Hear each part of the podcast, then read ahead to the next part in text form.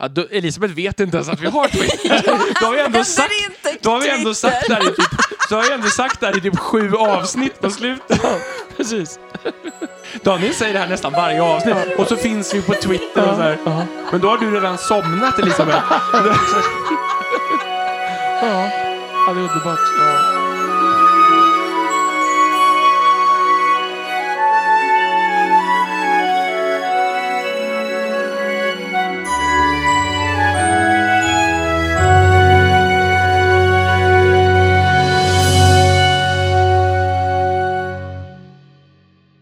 Och välkomna till det 39 avsnittet av Tolkienpodden.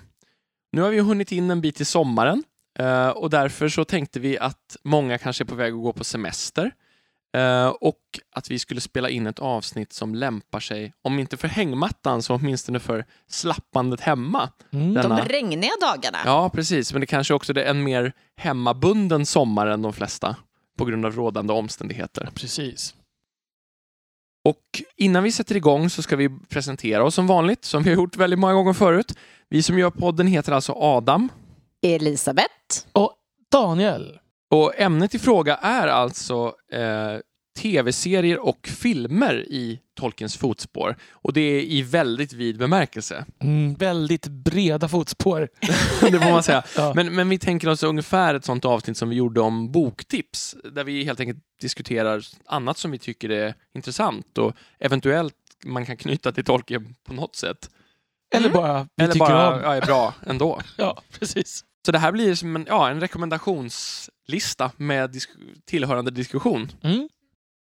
Innan vi kommer in på den så ska vi däremot eh, ha en annan, förhoppningsvis kanske snäppet då mer Tolkien-inspirerad del, det vill säga vår stående inslag av Tolkien-inspirerade tips. Och denna gång är det Adam.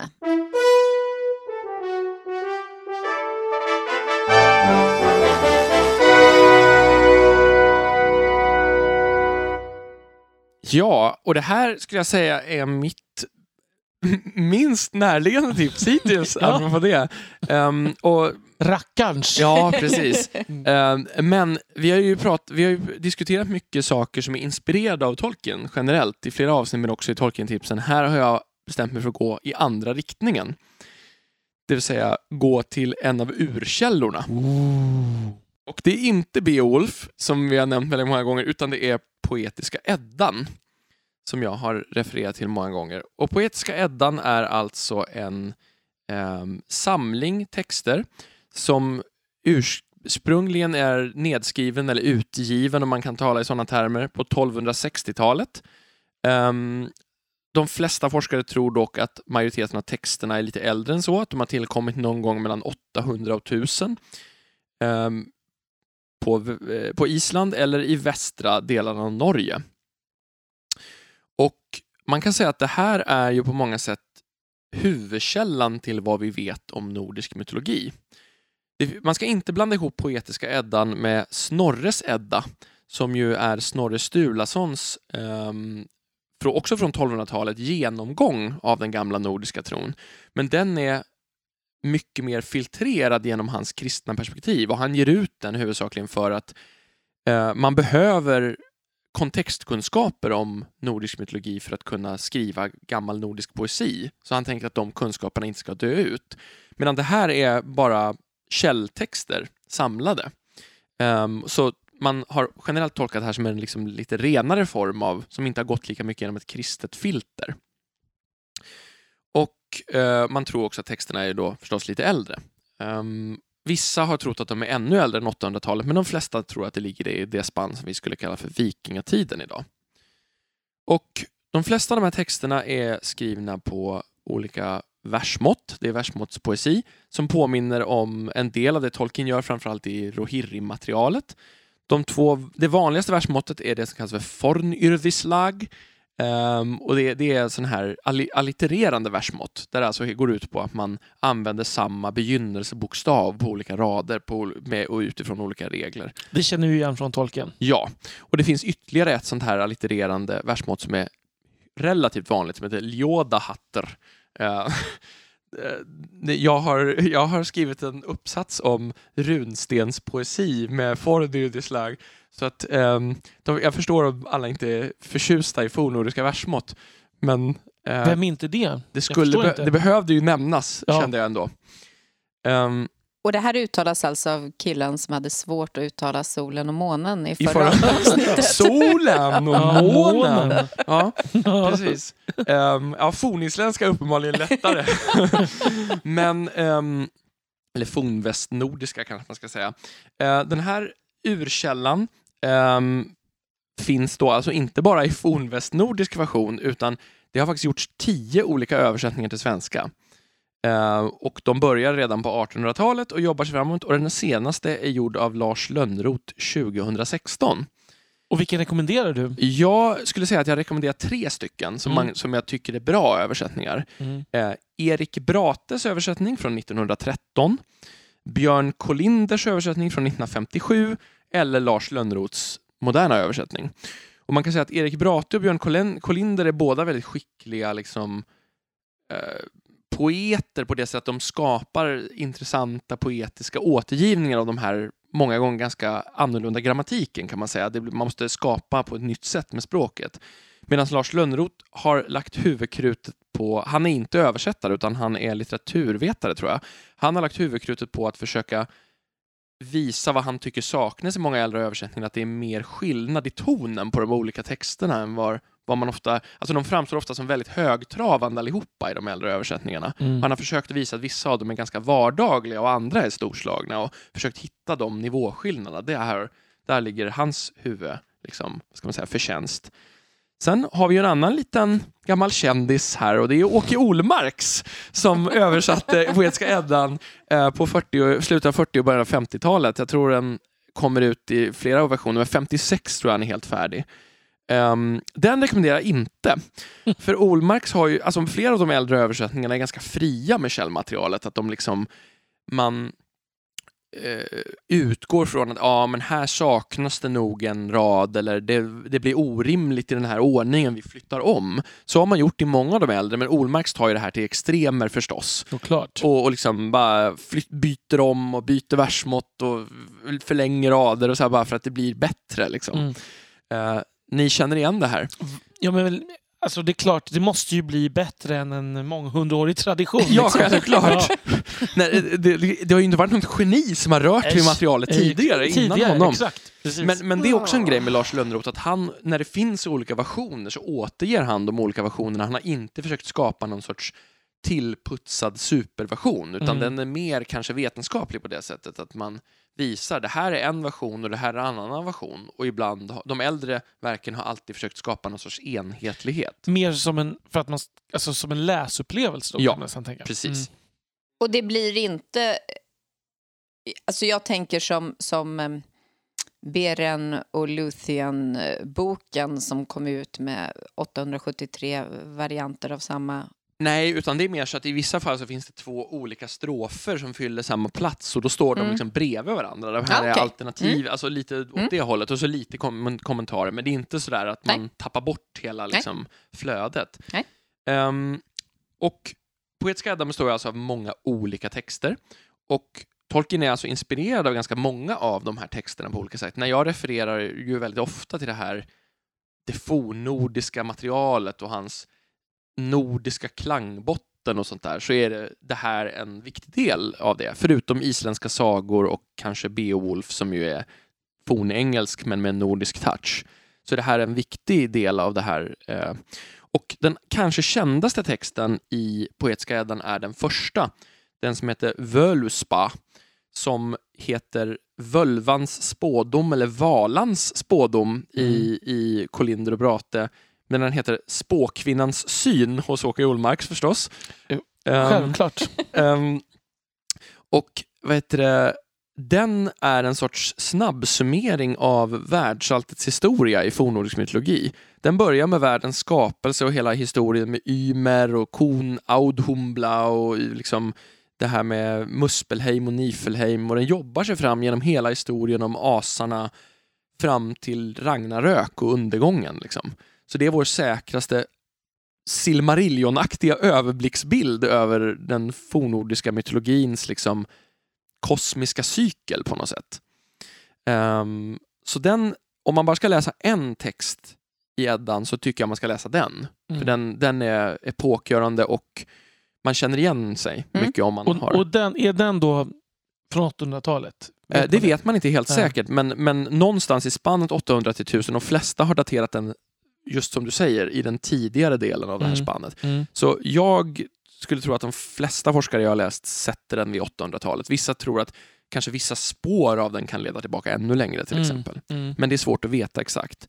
Ehm, så att den kan jag rekommendera. Där har, en sak som, vi, som man kan känna igen från den till exempel är att den här, eh, det här som Aragorns tal i Utanför svarta portarna, det här med liksom en A Wolf Age of Broken Shields, Mm. det är delvis citerat ur slutet av, av den, när de beskriver vägen fram mot Ragnarök till exempel. Så. Eh, en annan känd del är Havamal, så- eller Den höges tal, som är en sorts ordspråksbok helt enkelt. Det är Odens råd till människan. Mm. Och det är en av de här texter som, texterna som Lars Lönnroth har försökt hitta en mycket mer vardaglig ton i, medan den låter väldigt högtravande i några av de äldre versionerna kan man säga. Och den känd, kanske allra kändaste lilla biten ur hela Eddan kommer ur Havamal. Och det är den eh, bit som jag, som jag för mig att det här bo, som jag tar i huvudet nu borde vara Erik Brates översättning. Den går så här. Fä dör, fränder dö, även själv skiljes du hädan, men ett vet jag som aldrig dör, dom över död man. Jag har sjungit en folkmelodi till den där en gång i Mhm. tiden. Mm. Ja, det låter som en bra kombination. Eh, den handlar ju helt enkelt, där grundlägger man lite av det här med att ryktet överlever en och att det är viktigare vad folk säger om en efter döden för att man ska leva vidare. Liksom, en, en, ens anseende ska leva vidare. Och det är ju någonting som man har dragit väldigt stora växlar på i tolkningen av vikingatiden. Det här eh, ryktet är allt. Liksom. Mm. Ehm, Och så Ja. kanske det bara var en person som tyckte... ja, Precis, men här vara, liksom. tillskrivs det ju då Oden som Ja. ger råden Ja, till människan. Liksom. Mm. Men många av de här är väldigt konkreta. Det är råd om att man ska, liksom, eh, man ska vara snäll mot folk när man är på gästabud hos dem typ. Eller att man, man ska dricka lagom mycket. Alltså massa sådana Mhm. väldigt konkreta saker. Det låter ju lite som eh, förhållningsreglerna i Moseböckerna. där, Ja, till men, men det, Mm. det är så nära man kan komma Ja. det i något fornnordiskt skulle jag säga. Sen så finns det ett Eller gäng olika... Ordspråksboken i alla fall. Ordspråksbok. Ja, precis. Men även där, du, du ska inte göra det här, Ja. du ska göra det här. Ät honung min son, ty det är gott. den, Står i Det är Ordspråksboken. bra råd. Ja. den är så bra. Ja, det, ja. Njut av livet, typ. ja. Är det inte typ carpe diem? Ja, typ så. Men alltså, och, och sen så finns det ett gäng andra delar av den. Den första halvan kan man säga av Eddan är det som kallas för gudasångerna eller gudaberättelserna. Och då finns det olika kväden. Finns till exempel Vaftrudnismal som är en gissningstävling mellan Oden och den visa jätten Vaftrudner. Eh, och det är, finns eh, Thrymskvida som är den här historien om hur vet, jätten Trym stjäl Tors hammare och han klär ut sig till kvinna för att ta Mm. tillbaks den och slå ihjäl honom. Ehm, Det Och sen- var en kompis som på gymnasiet gjorde en Mozart-pastischopera om Trymskvädet. Där jag Oj. spelade Trym faktiskt. ja, vad roligt. Ja, ja. Så du blev ihjälbankad av hammare? Ja, jag minns nästan knappt uh, längre exakt. Liksom. Jag kommer ihåg vissa kan man ju melodier. förstå, men Hammare Ja.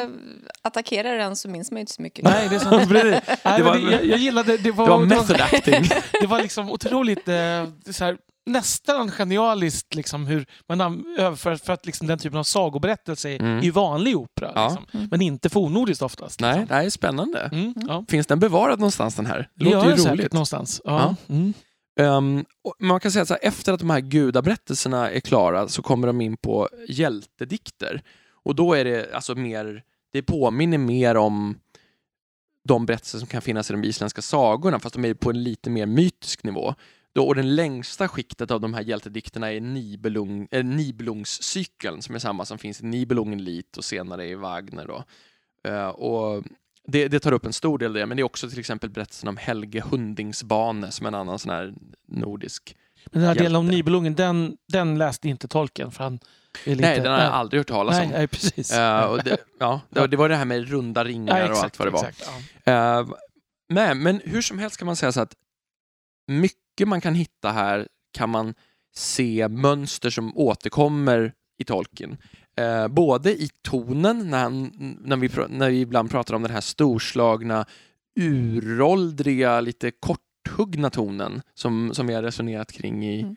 i vet det, hans, skri, hans stilavsnitt. Eh, Men sen så kan man också hitta konkreta inspirationskällor förstås. Olika varelser som i och för sig nämns ofta i förbigående här, eller inte så ingående, men lite som, som vi pratade om i förra avsnittet, där man får en, en ögonblicksbild av någonting. Mm. Eh, Men också till exempel hittar man ju majoriteten av dvärgnamnen i Völuspa när de räknar upp de olika dvärgar som skapas. Plus Så- Gandalf. Precis, Gandalf är en av dvärgarna då. Mm, mm. och, och Torin och vad heter det, eller Thorin då, och vad heter det, Eikinskald, det är ju två olika dvärgar som vi Mm. också har nämnt någon annan gång Mm. till exempel, som har slängts ihop till ett. Och här har vi också det här dvärgarna som håller uppe himlavalvet, nordre, södre, östre och västre. Så det, mm. Lite olika sådana. Ehm, och vi har också ett väsen som gnager på världens rötter Oh. Eh, apropå förra avsnittet om monster där vi har draken Nidhögg som, som sitter vid eh, världsträdets rötter och gnager på en av dem. Så Mm. att säga. Och som också kommer komma fram i den sista striden. Just det.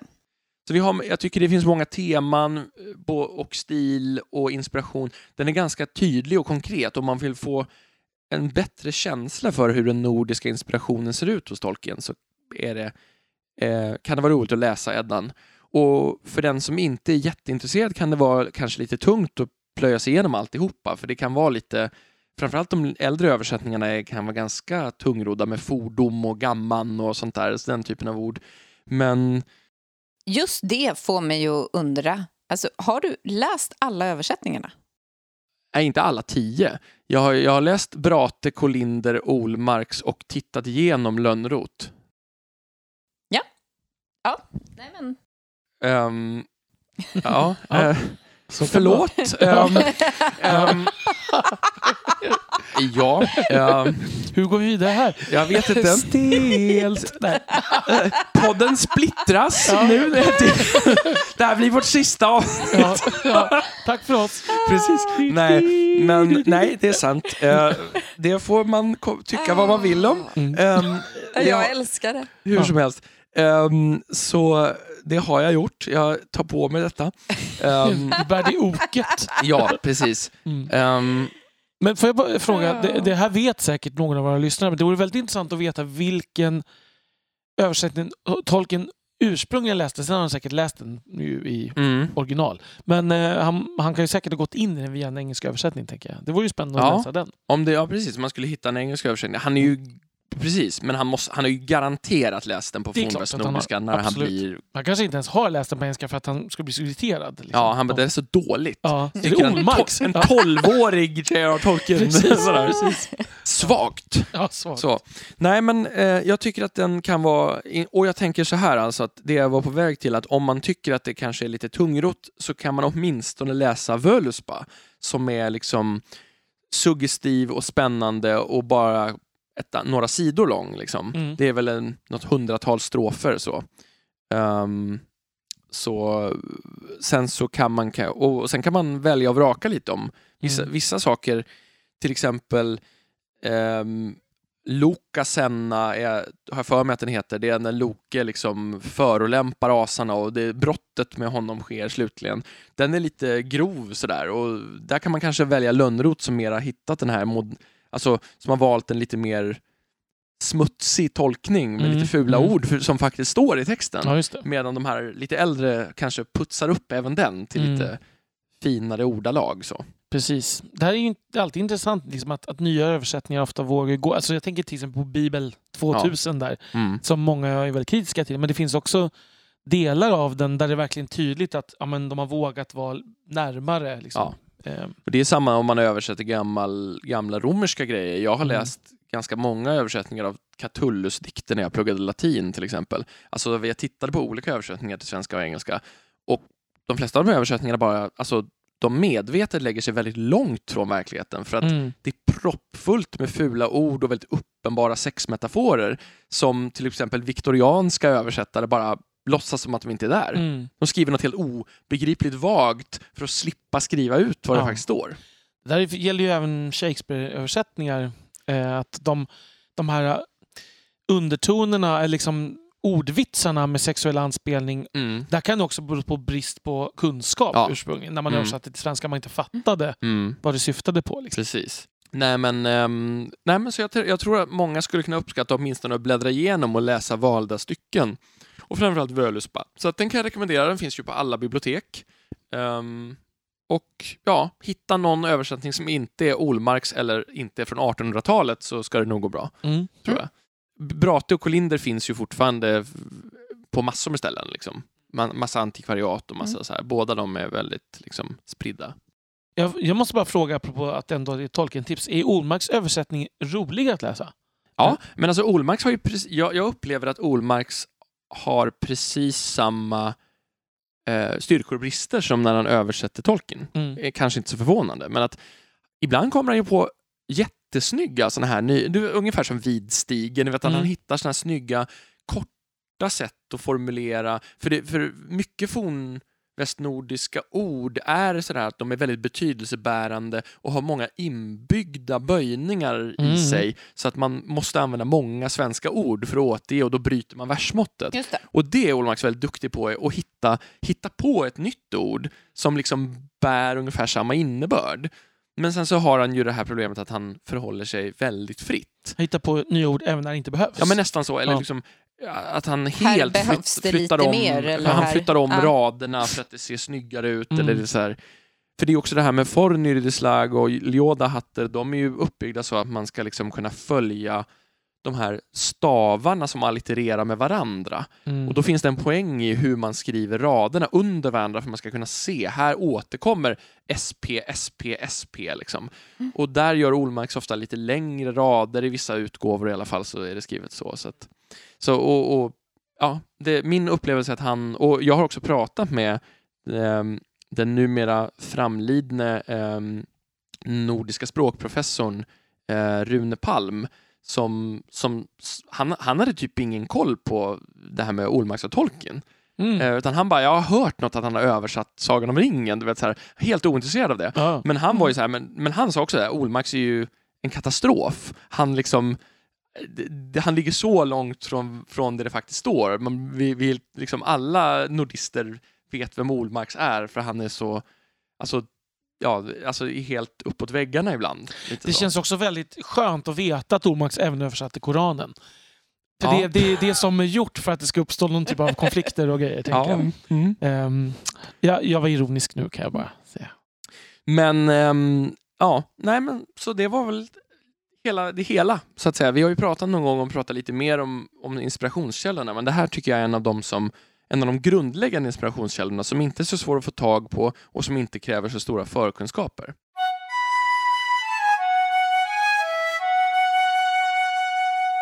Nu är det alltså dags att försöka få någon typ av ordning och reda på alla tusen filmer som Daniel eh,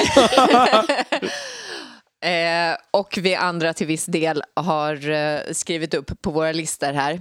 Mm. Ja, man kan ju säga att Daniels lista är lite längre. Mm. Min, min är ganska mycket längre än din Elisabeth, Eh. men, men Daniels lista är bra mycket längre än min också. Logaritmisk skala här. Ja, så. verkligen. Eh, Eh, och tittar man eh, här inne i Daniels vardagsrum så kan man åtminstone lätt utan att anstränga sig få syn på mm, 100, 200, mm, mer. Det är nog mer, 300. ja.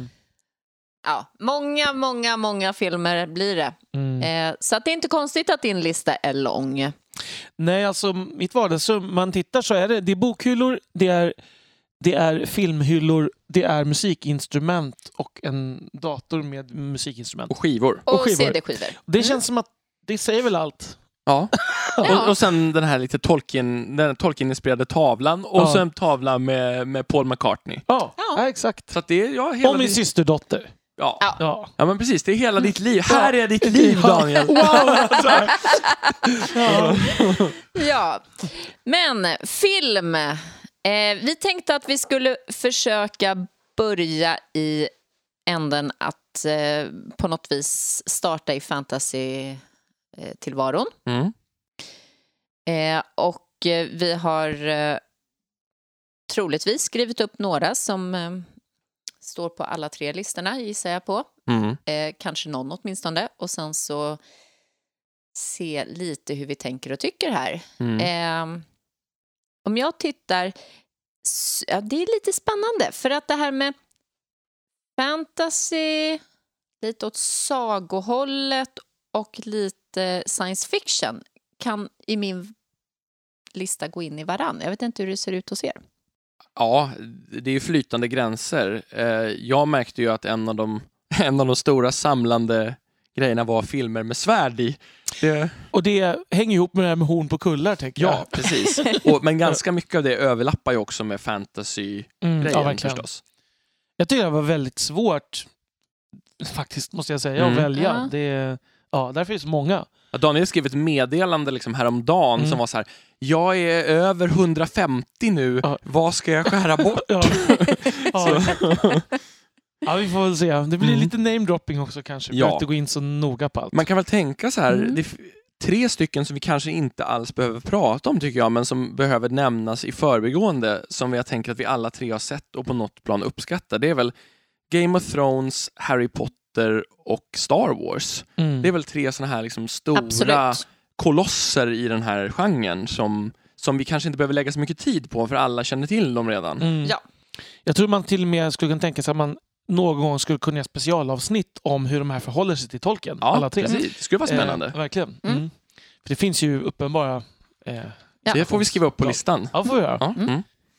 Så om vi då lämnar dem Mm eh, och ändå håller oss kvar inom genren, så att säga, eh, så finns det ju...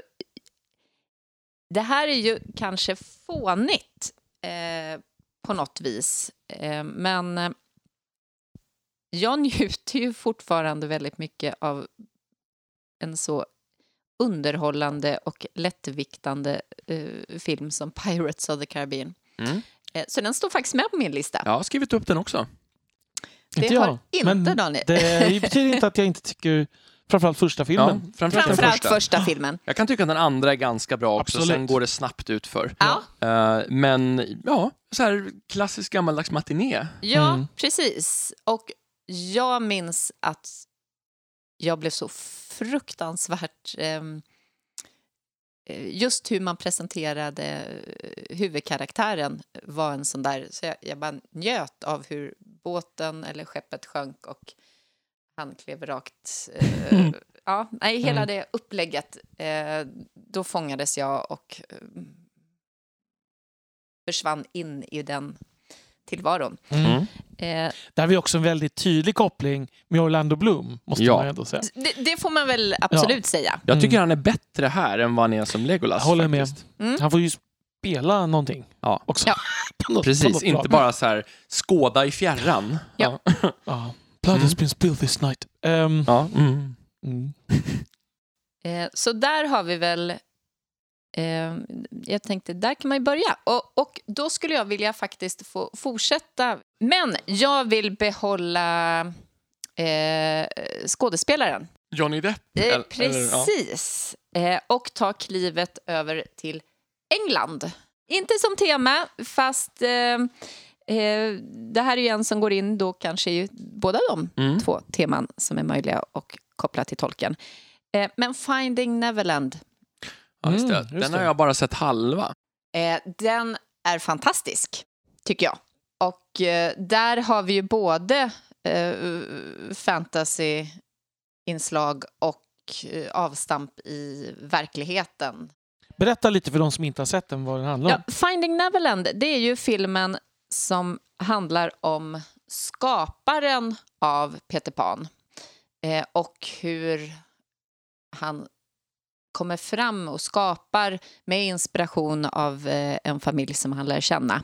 Man får verkligen följa hur hans egen fantasi eh, blommar ut i det han ser runt omkring sig. Och, eh, sen är det givetvis en intressant och spännande och fin skildring av den här familjen och hans personliga relationer och, och Mm.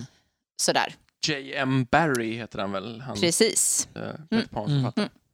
Och det handlar väl också om det här lite som Tolkien ska att se världen på ett annat sätt, kan man, som vi har pratat om. Att Ja. Se världen på ett förhöjt plan. Ja, och det är ju Johnny Depp och det är Kate Winslet som gör huvudrollerna och det är magiskt, tycker jag.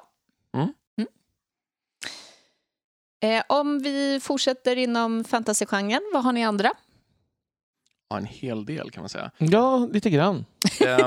Alltså, fast faktiskt bokstavligt inte jättemycket. Lite grann Nej. skulle jag ja, bara säga. ehm, två, jag, jag kan dra två stycken som jag eh, har tyckt om sedan jag var ganska ung. Mm. Ehm, den ena är The Mists of Avalon.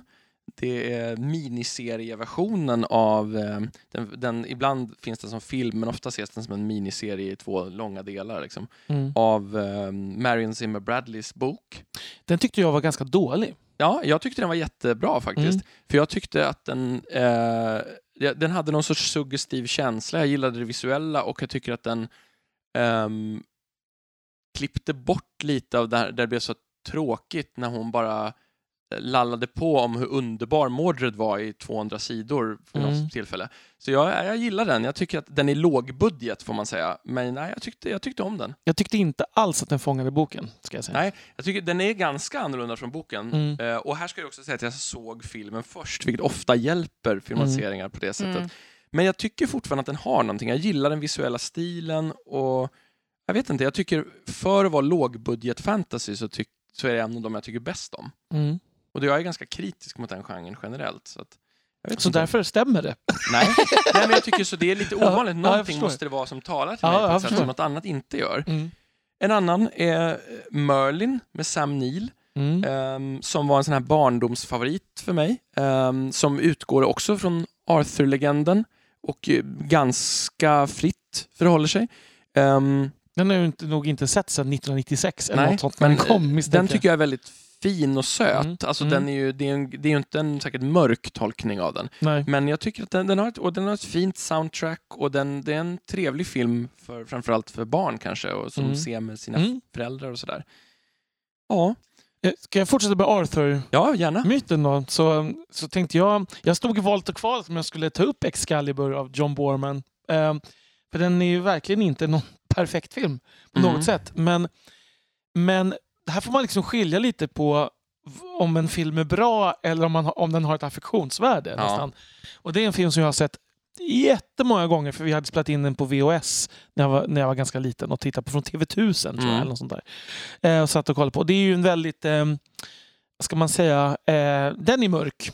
Och väldigt sexualiserad version Ja, eh, sexualiserad och lite drogad Lite drogad också. Ja. Arthur. Men det fattade nog inte jag när jag var liten. Nej. Eh, men för att jag, jag inser att jag har otroligt mycket bilder från den här filmen fortfarande i, i huvudet. Liksom. Mm. Ehm, Mm. Och det är mycket så här Carmen Brana-citat i musiken. Och, Mm. sådär. och sen tycker jag att den Merlin, apropå Merlin, den Merlin-tolkningen är väldigt intressant. Ja, med Nicole verkligen. Williamson.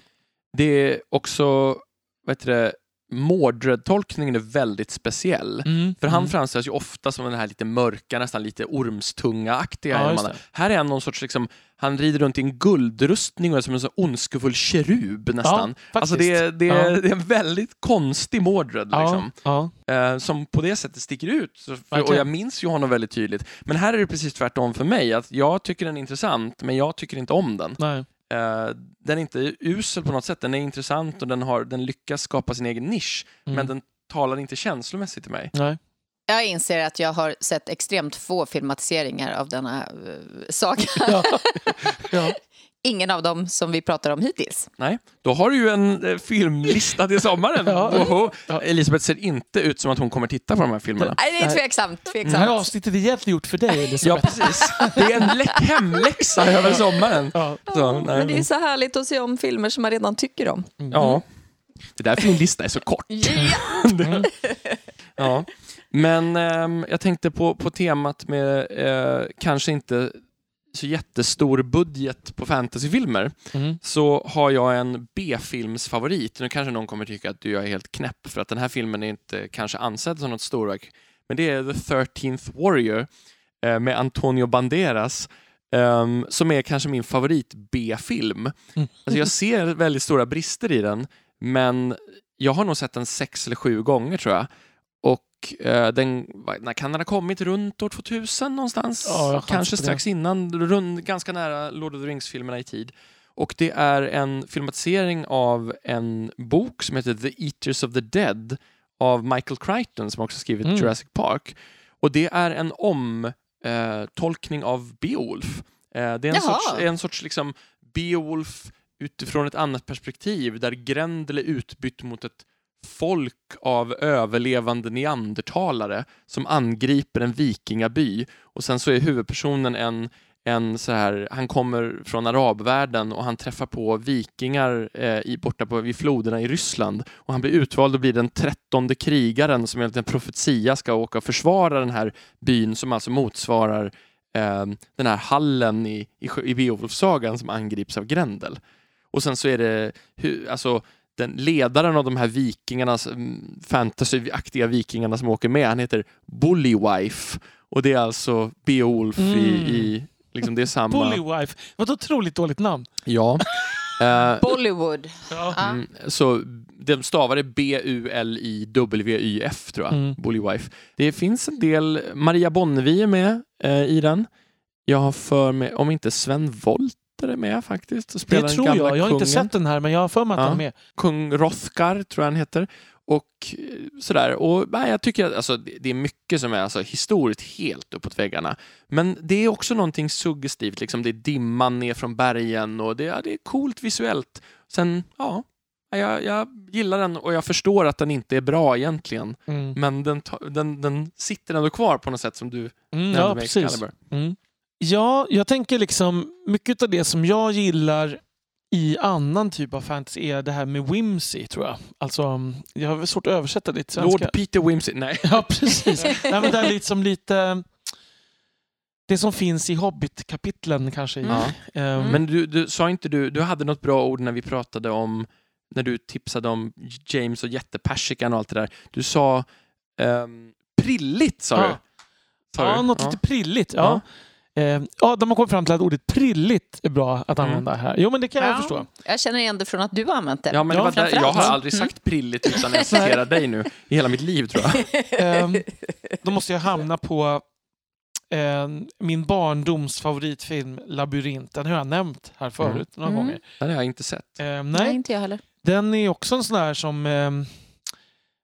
det finns olika delar, eller det finns delade meningar om den kan man säga. Det är Mm. ju, jag kommer säkert in på det igen, men Jim Henson som gjorde Mupparna, min Mm. annan favorit. Eh, han gjorde den här och Dark Crystal som jag har nämnt i tidigare avsnitt. Och Labyrint är då, om Dark Crystal är, den är ju, vad ska man säga, den fick kritik för att den var liksom helt humorbefriad bland Mm. annat.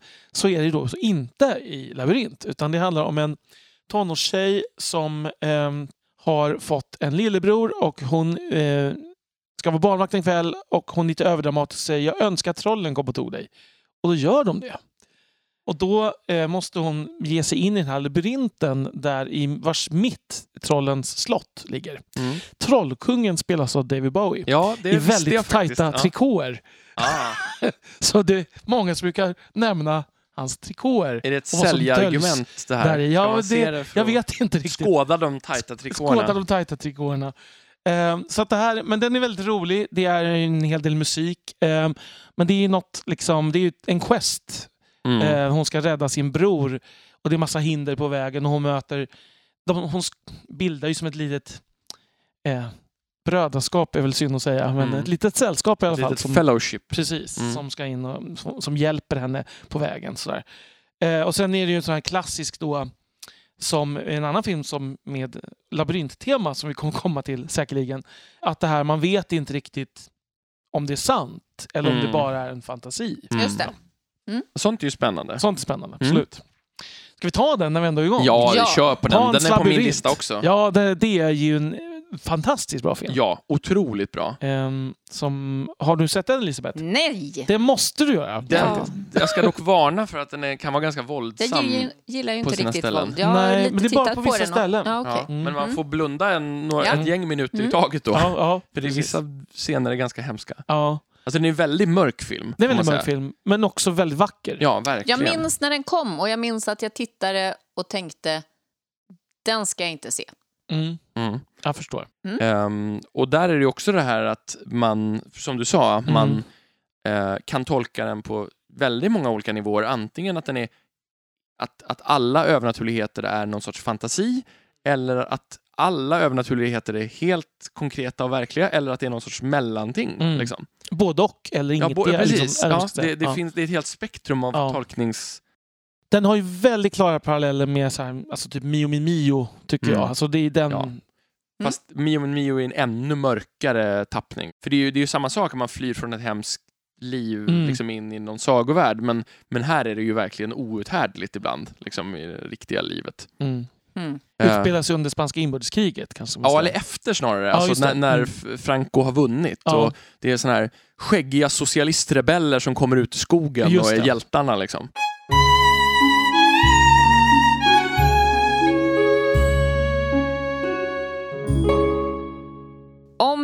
Vi hoppar vidare här på listorna så kan ju jag landa i en som kanske inte räknas nödvändigtvis som fantasy men ändå åt det hållet och det är Divergent. Varken sett eller läst. För det är väl Åh. böcker också? Ja, det är det. Ja, Ja. Fyra Eh, böcker, va? eller ja. fem till och med. Nej, något sånt. eh, jag skulle säga så här, om man uppskattar hungerspelen, Hunger Games, eh, så tror jag att man uppskattar Divergent också. Mitt Eh, huvudskäl till att jag inte har sett den är att jag tyckte det verkade som att de kopierade Hungerspelen för mycket. Men jag vet inte om det är sant eller om det bara är en fördom. Nej, det tycker inte jag. Nej. Eh, det tycker jag faktiskt inte alls.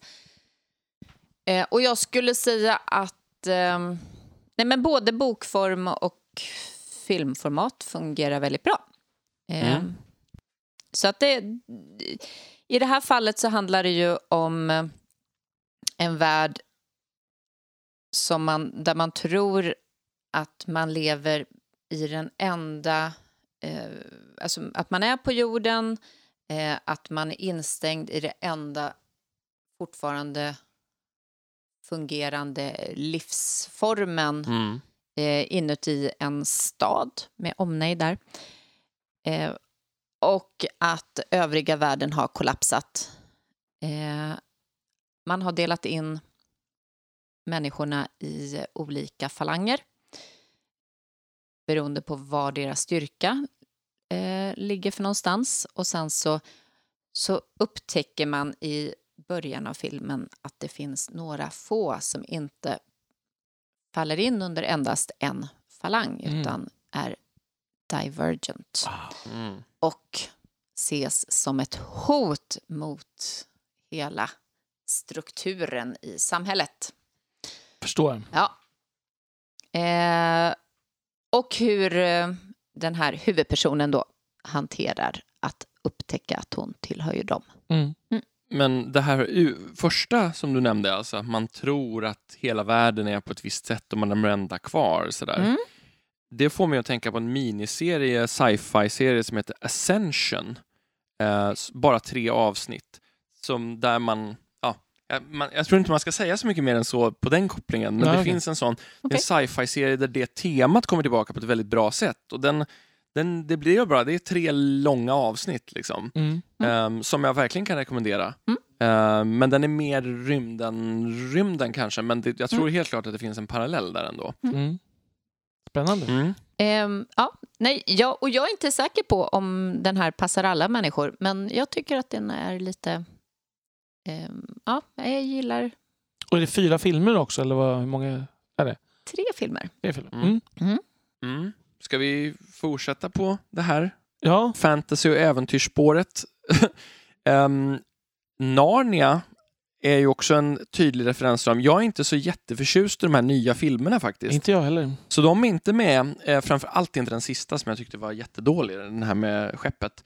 Um, däremot så tycker jag väldigt mycket om BBCs 80-talsserie Så den har jag med. Den är, alltså, effekterna är ju ja, oerhört enkla. Folk skulle göra något bättre hemma i vardagsrummet idag. Mm. Men skådespeleriet tycker jag är jättebra. Och de har verkligen fångat känslan trots att det är liksom personer som springer runt i bäverkostymer. Mm. Så jag tycker jättemycket om dem. Går att köpa på, DVD fortfarande. De är Fantastiska. Ja, Ja. det är Otroligt starkt nostalgivärde. Ja. Jag såg dem när de gick. Liksom. Ja. Ehm, Är det, är det inte av nostalgiskäl då? Jag har sett om dem och tycker fortfarande att de är bra. Ah, Okej. Eh, Men, men självklart så är det så att om man kommer från en yngre generation och är van vid att alla effekter ska vara bra Mm. så kommer man ju tycka att det här är dockteater. Liksom. Mm, För det är det. ju oerhört mycket suspension of disbelief när det liksom tecknade saker ovanpå det, den liksom filmade scenerna. Jag tillhör ju de som tycker att första av de här nya film, Mm. filmerna eh, så tycker jag att första filmen är bra. Ja, jag tycker den är helt okej. Eh, De andra två tycker jag är ganska dåliga tyvärr. helt okej. Lite hjärtlös. Alltså med... Alltså utan hjärta, skulle jag säga. Jag, jag tycker att den Ehm, försöker kanske. för mycket att vara episk på ett sätt som Narnia inte är. Mm. För jag menar, de, de gör en jätte, jätte, jättelång storslagen stridsscen som tar upp en tredjedel av filmen, fast det är ungefär, vad är det, en tredjedels sida i boken. Jo, men det är Sådär. sant. Jag håller med om det. Eh, men, och jag, du fokuserar ju på, på de scenerna. Jag tänker ju bort dem generellt eh, Ja, på ett men då annat missar sätt. du ju halva filmen. Det är ju liksom... Men för mig så är det ju eh, hon som spelar Lucy som bär den filmen. Mm, absolut. Hon är, och hon är mycket bättre i den, tycker jag, än i BBC. Ja. Ja. Hon, hon är ju klart bäst också. Ja, Mm, det håller jag med om. Mm. En annan fin fantasy för barn, det är ju Stardust, Mm. eh, baserat på Neil Gaimans bok. Mm. Och där tycker jag att liksom, där har man ändrat ganska mycket i filmen, men den funkar jättebra ändå. Oerhört högt tempo, rolig, spännande, alltså allt man vill ha av en sån här eftermiddags fantasy-matiné. Den har det här, så jag... Det här när det liksom är, det är för barn men ändå funkar otroligt bra Mm. oavsett ålder. För, för barn i alla åldrar, Ja, de som har barnasinnet kvar. Liksom. Och det finns liksom skämt som kanske går barn förbi, som Mm. är tänkt för deras föräldrar. Verkligen. Så. Mm. Mm. Eh, ska ju vi fortsätta på svärdstemat då, Ja. lite grann här, så, så tänkte jag ta upp Ridley Scotts Kingdom of Heaven. Mm, den har jag också på listan. Ehm, som ju absolut är en favoritfilm. Men där måste jag höja ett varnande finger. Eh, jag såg den här första gången i bioversion. Tyckte, ja, helt okej. Ehm, popcornunderhållning, trevligt så här. Mm. Snyggt och bra. Men här måste man, om man inte gjort det, se regissören, alltså Directors Cut. För den, Den är mycket bättre. oändligt mycket bättre. Mm. Eh, den har en bihandling som är helt bortplockad ur eh, bioversionen som är hela, hela filmens bultande hjärta, skulle jag Mm. säga. Ehm, men det handlar ju alltså om, eh, om Balian som är smed och beger sig till Jerusalem typ ehm, och eh, ja, under korstågstid och det blir slag med Saladin och allt vad det är. Liksom. Mm. Men det som är borta är hela ehm, Slutar 1187 med Jerusalems fall till muslimerna. Precis, precis. Det, jag tänkte- det hade det på tungan. Eh, Men det som är bortplockat är eh, Eva Green som, ju spel, som är en fantastisk skådespelerska, spelar Sibylla som är... ehm, vad är hon egentligen? Ja, hon är prinsessa. Prinsessa, hon ja. är syster till kungen av det. Jerusalem. Den spetälske kungen Ja. av Jerusalem. Och hela eh, hennes relation med hennes son och allting där Mm. är alltså bortraderat ur bioversionen. Så utan de scenerna, en bra actionfilm. Med de scenerna så får den något helt annat tycker jag. Jag, jag är ju alltid väldigt kritisk mot medeltidsfilmer. Mm. Efter, ja, liksom för jag är så petig framförallt Om det inte är den trettonde krigaren. Ja, men där, där, därför att den är, så, den är så orealistisk så att jag inte tycker Ja, att jag jag, förstår. räknar den inte som Ja, jag ens historiskt försök ens. Ja, Liksom. ja, Eh, utan ser den mer som en fantasyfilm. ja. Men, men här så, så tycker jag alltså Kingdom of Heaven har, är blandad. Alltså att Mm. den har en väldigt bra mouthfeel. Mycket av liksom stämningen och många konkreta detaljer i hur det var på medeltiden stämmer. Mm. Sen så finns det ju, sen så har de ju ändrat person, alltså vad som faktiskt händer med personerna och vad de tycker och vad de gör är ju otroligt Ja, annorlunda absolut. än De har inte ens eh, försökt. Nej, nej, precis. Och sen så kan man säga så här, det blir lite för mycket för mig ibland, det här moderna, att det, man är god om man är religiöst moderat, alltså Mm, mm. balanserad och inte tycker att religionen ska ta över. Och det gör att man framställer en del karaktärer som goda eller onda bara baserat på om de är mycket eller lite religiösa. Mm. Och då framställer man till exempel Saladin som var liksom, på många sätt en religiös fanatiker som, som religiöst balanserad och, och modern. Eh, det, det kan jag störa mig lite på för det, att det blir, det blir så oerhört anakronistiskt ibland. Mm. Men jag tycker mycket om filmen och du har helt rätt att det är liksom en engagerande handling och sådär. Men det som jag också gillar med den här filmen är... Alltså, eh, jag kommer ta upp några fler Ridley Scott-filmer sen, Mm. men Ridley Scott är, apropå det visuella, den, en, min, visuellt min favoritregissör. Mm. Alltså det är alltid oerhört vackert och snyggt. Mm. Liksom. Och sen är det otroligt mycket bra skådespelare i den här filmen. Bortsett från Aaron Orland Bloom som är, hade tydligen vår ledstjärna här.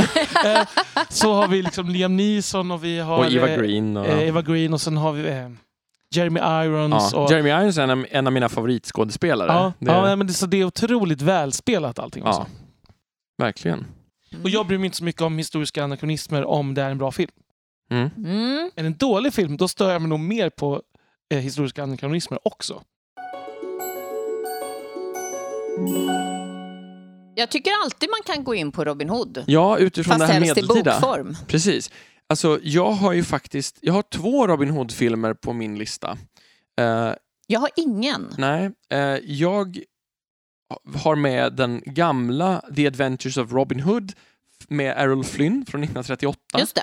Gammal klassisk matinéfilm. Det är mycket så här sätta knytnävarna i sidorna och göra ett gapskratt liksom mot taket. Precis, och sen så här, fäktas medan man hoppar på saker och kastar sig i ljuskronorna. Mm. Apropå trikåer, här är Ja. mycket trikåer också. Mycket trikåer här. Mm. Men den här är liksom, den går all in på det här. Den är så charmig så det, det Mm. går inte att störa sig på det tycker jag. Mm. Det går inte att värja sig. Åh, Värjan var faktiskt inte uppfunnen. Men Och där blev Adam slagen i magen. Och precis, precis. Utesluten ur podden igen. Eh, men hur som helst, eh, nej, men jag tycker att den är, den är väldigt charmig eh, och den, är liksom, den kommer från en tid när det här inte var en sliten kliché på samma sätt. Vad säger du om de historiska anakronismerna? Ja, ja det är ju svagt får man säga. Ja. Den, den, alltså, vissa saker är rätt okej. Ja. Eh, till exempel så tycker jag i många äldre filmer så har man mycket mer realistiska medeltidskläder för de är mycket mer färgglada. Medan Mm, moderna mm. filmer alltid ska alla vara klädda i en sån här bikermode och grå päls. Mm. Eh, för att man tror att det var, allt var smutsigt och, och det var, man, alla ska vara klädda i någon sån, se ut som de kom ur någon sån här svartklubb. Ja. Eh, men, eh, men annars, det finns ju mycket som, som är svagt på den fronten. Men man får, man får ta det som ett kammarspel Mm, liksom, av mm. Robin Hood. Och sen så har jag också faktiskt med Disneys Räv-Robin Hood. Oh. Som var min favoritfilm när jag var liten. Jag såg den Ah. säkert 50 gånger när jag var liten. Åh. Hon är säker, gamla Bettan. Hoodelady, hoodelady. Ja, det, Elisabeth har blivit retad hela livet Ja, för den ja. här raden om armborstet. Ja. Mm. Men jag vill hävda att den tolkningen av meningen beror på textningen på julafton. Att han faktiskt säger hon är säkrad, gamla Bettan. Är det så? Jag är ganska säker. Ja. Men Mm. det där kan vi tvista om. Mm. Mm. Det är lustigt hur en armborstskäkta kan rikoschettera på det sättet. Ja, det har jag också funderat på. Nej. Hur gick det till? Men jag tycker det är konstigt hur de kan knyta fast de här säckarna bara genom att göra Ja, det, är- hur, det är bra jobbat får man Ja, säga. verkligen. Jag tycker det är konstigt varför Robin Hood får Marion för att han eh, rånar Ja, ja, prins John. Har du inte hört det här med bad boys? verkligen. Men, Men rävar söker Ja. rävar, som vi vet. precis. Mm. Eh, den, den stör mig något fruktansvärt. Okej. Eh, Mm. så. Ehm, Men pratar vi då nostalgivärde kring jul Mm. så är det ju alltid trevligt att, att återse såna här gamla godingar Mm. under julen. Om man nu tycker om eh, att göra saker, samma sak på julafton då skulle ju jag istället välja Karl-Bertil Jonssons julafton Mm. alla dagar i veckan. Mm. mm. Den står med på min lista. Jag tycker om den också, Den men är det är, det är något fin. helt annat för Ja, mig. Ja. ja, det är verkligen. Det, men det är ju Robin Hood även i den. Ja, Ta det är sant. Det är sant, det är sant. Verkligen. Hans förebild ju. Mm. Precis. Och då kan jag passa på att nämna Bamse i Trollskogen. Ja, Som apropå det här med omfördelning. ja, Så- ja precis. Står den på din lista? Ja, Bamse i. Trollskogen står på min lista. Underbart. Ja, det är Ehm, fan- fantastiskt. Jättefin folkmusik, eh, så här soundtrack också. Lite häxa och lite minidrake. Ja. Och genom mörka, mörka skogen och så olika troll som vi pratade om förra Jag har inte avsnittet. sett den här kan jag erkänna. Jag har sett den hur många gånger som Mm. helst. Nej, jag har inte heller Jag är sett uppfödd på Bamse. Ja, det är jag också. Men det Som här kom efter. Ja, Ja, men jag är ju som, som bekant 11 år yngre än vad du är. så- ja Mm. plutten. Lille Adam. Ehm, om vi ska ta julaftonsteman, då tar jag en film som inte står på min lista som jag bara kom på nu. Jag och min syrra har som tradition, eller hade tills hon fick barn och inte har tid längre, att på julafton sitta och titta på Kan du vissla Johanna? Som är en Ja. av de finaste filmer som har gjorts. Mm. Med Per Oscarsson som Ja, morfar. Den är så sorglig och den vinner på att ses flera gånger för det är så mycket fina detaljer som Mm. man inser när man ser en jag, om den. jag liksom. såg faktiskt om den för några veckor sedan. Ja. För att eh, Sandibel, min flickvän, hade den på sin SFI-kurs. Ja. Ehm, som liksom med textning. Ah. Så, att, Mm. så det, och hon tyckte jättemycket om den Ja. också. Jag Mm. såg den igen och kände, jag tänkte mycket på min morfar som Ja. jag stod väldigt nära för många år sedan. Mm. Så att det, ja, ja, den är Mm. fin. fin. Om vi ska fortsätta på barntema så vill jag ta, och då faktiskt i någon slags fantasymiljö. Mm. Eh, från barndomen. Det susar i säven, den gamla dockversionen. Ja, gud vad bra. Den Den, hade jag glömt, men det, Ja. den gillar jag också. Den är, det finns en långfilm som är boken och sen gjorde de en tv-serie, spin-off med Mm. fristående berättelser. Men, men långfilmen, det är, jag hör musiken i mig nu och ser de här små dockorna som går omkring. Otroligt fint. Den, den, jag har sett lite olika liksom, filmatiseringar av den här och det är liksom ingen som kommer i närheten. eh, Eh, pastoralt brittiska liksom. där. Verkligen. Fylke. Fylke i kubik Mm, och tweed. Ehm, och sen har jag... Och tweed. ja, faktiskt. Ja. Steget till tweed är inte så långt från Fylke Nej, det faktiskt. är det faktiskt Eh, inte. nej. Och sen har jag, apropå återigen den här kända Jim Henson som jag nämner i varje avsnitt. Eh, och en serie som jag också har nämnt. Det är din H.P. Lovecraft. Det där. är min H.P. Lovecraft. men, men Jim Henson verkar vara en lite godare person Det än tror H.P. jag Lovecraft. Ja. verkligen. Mm. Hans ehm, The Storyteller eh, har jag också nämnt tidigare. Sagor för stora barn fick den lite konstiga namnet på svenska. Mm. Där första säsongen är John Hurt eh, som är sagoberättare och de har en, dock, en hund har han som är en docka då. Och sen Mm. är det en ny saga varje avsnitt. Det är folksagor Mm. som är filmatiserade där han då funkar som berättare. Och det är Sean Bean dyker upp till exempel i ett avsnitt, så det är Mm. väldigt eh, välgjort. Och sen andra säsongen, Och han får överleva. han får överleva, Ja. ja. det minns jag inte ens. Ja. För han är bara med som en i en saga. Han kanske dör, jag kommer inte ihåg faktiskt. Och sen andra säsongen i grekiska myter. Mm. som inte är riktigt lika bra, men eh, också bra. Men du har nämnt den där när vi pratade om hur vi ville filmatisera Silmarillion. Då pratade Ja. du om att man skulle kunna ha det formatet Ja. som ett sätt att hantera Silmarillion på. Liksom. Eh, absolut, men det är, ja, den som, om de gillar sagor, liksom, det temat, då ska man se den här. Det är liksom det bästa filmatiseringen av sagor som har gjorts, Mm. tycker jag. Apropå Sean Bean som inte dör. Så, så har jag en, något som inte alls hör hemma i den här barnkategorin dock. Ehm, det är ehm, en serie, vad, ska man säga, det är någonstans mitt emellan en serie och en serie filmer. Liksom. Mm. Som är, de är lite för långa för att vara avsnitt och lite för korta för att vara långfilmer. Så. Eh, och de, som heter Sharp, som Mm. utspelar sig ehm, under eh, Napoleonkrigen. Ja, precis. Eh, det, det namnet föll ur huvudet på mig. Bonaparte! Ja, precis. Ja. Så, ehm, och där är då, då spelas huvudpersonen av Sean Bean som är, leder ett, liksom, ehm, ett, en liten grupp soldater som rör sig fram och tillbaka, eh, ofta bakom fiendens linjer i Ofta i Spanien, där, man Mm. där britterna krigar, eller engelsmännen krigar mot Frankrike. Ehm, och hör och häpna, det här är alltså en krigsbaserad serie med många filmer med Sean Bean i huvudrollen och han dör inte. Ja, det är kors i taket. Osannolikt Mm. faktiskt. Och då är det ändå så att ganska många dör. ja.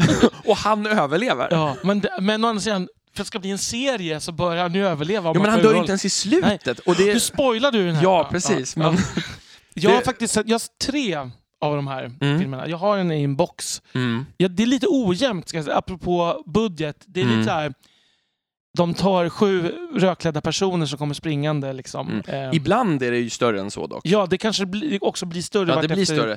Serien går. jag tycker faktiskt att om man, om man är lite möp, så här Mm. militärt överintresserad person, så, så är det här charmigt. Liksom. Mm. Det, det är mycket så här, det är mycket så här, försvara ett fort mot... Men det är också liksom- lite så här Zorro-melodramatiskt, Ja, eh, ja, ja. måste man säga. aj, det, det, här, det här går Oh. rakt in liksom, Ja, så här, ja. Ja, för men mig. det, det, var, det där gjorde att jag kanske vill se den Ja, ändå. det- det- jag gillar Zorro. Ja, Mm. ja. Det du ska veta bara att huvudpersonen är lite så antihjälte. Han är, in, han är mer, han, det här är baserat på böcker, så han är mer charmig i filmerna, alltså han är mer Mm. sympatisk medan Mm. i böckerna så är han ganska osympatisk ibland. Mm. Oj då. Alltså, Mm. Det är ganska hård, det försöker vara lite mer realistiskt liksom med Men han är, inte o, han är bara liksom en, en underdog som måste slåss för att få sin rätt. Liksom. Precis, men han är m- mer svinig i böckerna Ja. faktiskt. Ja, men det kan jag att, han beter Men sig... jag tänker bara utifrån film. Mm. Ja. Och Ja. det här är alltså Adams sätt att säga jag är inte säker på att du kommer gilla den, Elisabeth. Ja, Eftersom han vet att jag ogillar antihjältar. ja. Mm. Precis. Alltså, vid samma tid som Sharp-filmerna så, är, så finns ju C.S. Foresters romansvit om Horatio Hornblower som Mm. utmärkta, alltså också en sån här, något mellanting mellan en serie och en serie filmer Mm. ehm, med liksom krig till sjöss runt samma tid. Ja. Ehm, Gjort, själva serien är gjord lite senare va? Eller åtminstone... Ja, jo men det är den Mm, nog. ja. Men, men den är fortfarande, alltså, jag tycker fortfarande, alltså jag menar att den är samma tid, att den Ja, utspelar sig absolut. i samma epok ungefär. Jag gillar den lite mer ska jag säga. Ja. Fast jag har ju bara sett tre Sharp hittills och sett hela Mm, Hornblower. jag tycker att den är lite mer Sharp är lite mer så här lågbudget, lite mer attityd. ja, Medan ja. Hornblower är lite mer brittisk, snofsig, sådär Ja, här, du vet, det där klassiskt kostymdrama kan Absolut, man säga. Ja. Mm. Och det blir lite skillnad i tonen på dem då ja, också. det det. Och det Mm. märks ju också för att böckerna är olika från början och skrivna i olika tider. Så jag Just tror det. att det kan också ligga lite där. Säkert. Eh, Men jag tycker det är väldigt bra skådespelarinsatser. Ja. Framförallt tycker jag om relationen mellan Hornblower och hans mentor så att säga, som utvecklas genom mellan filmerna. Då.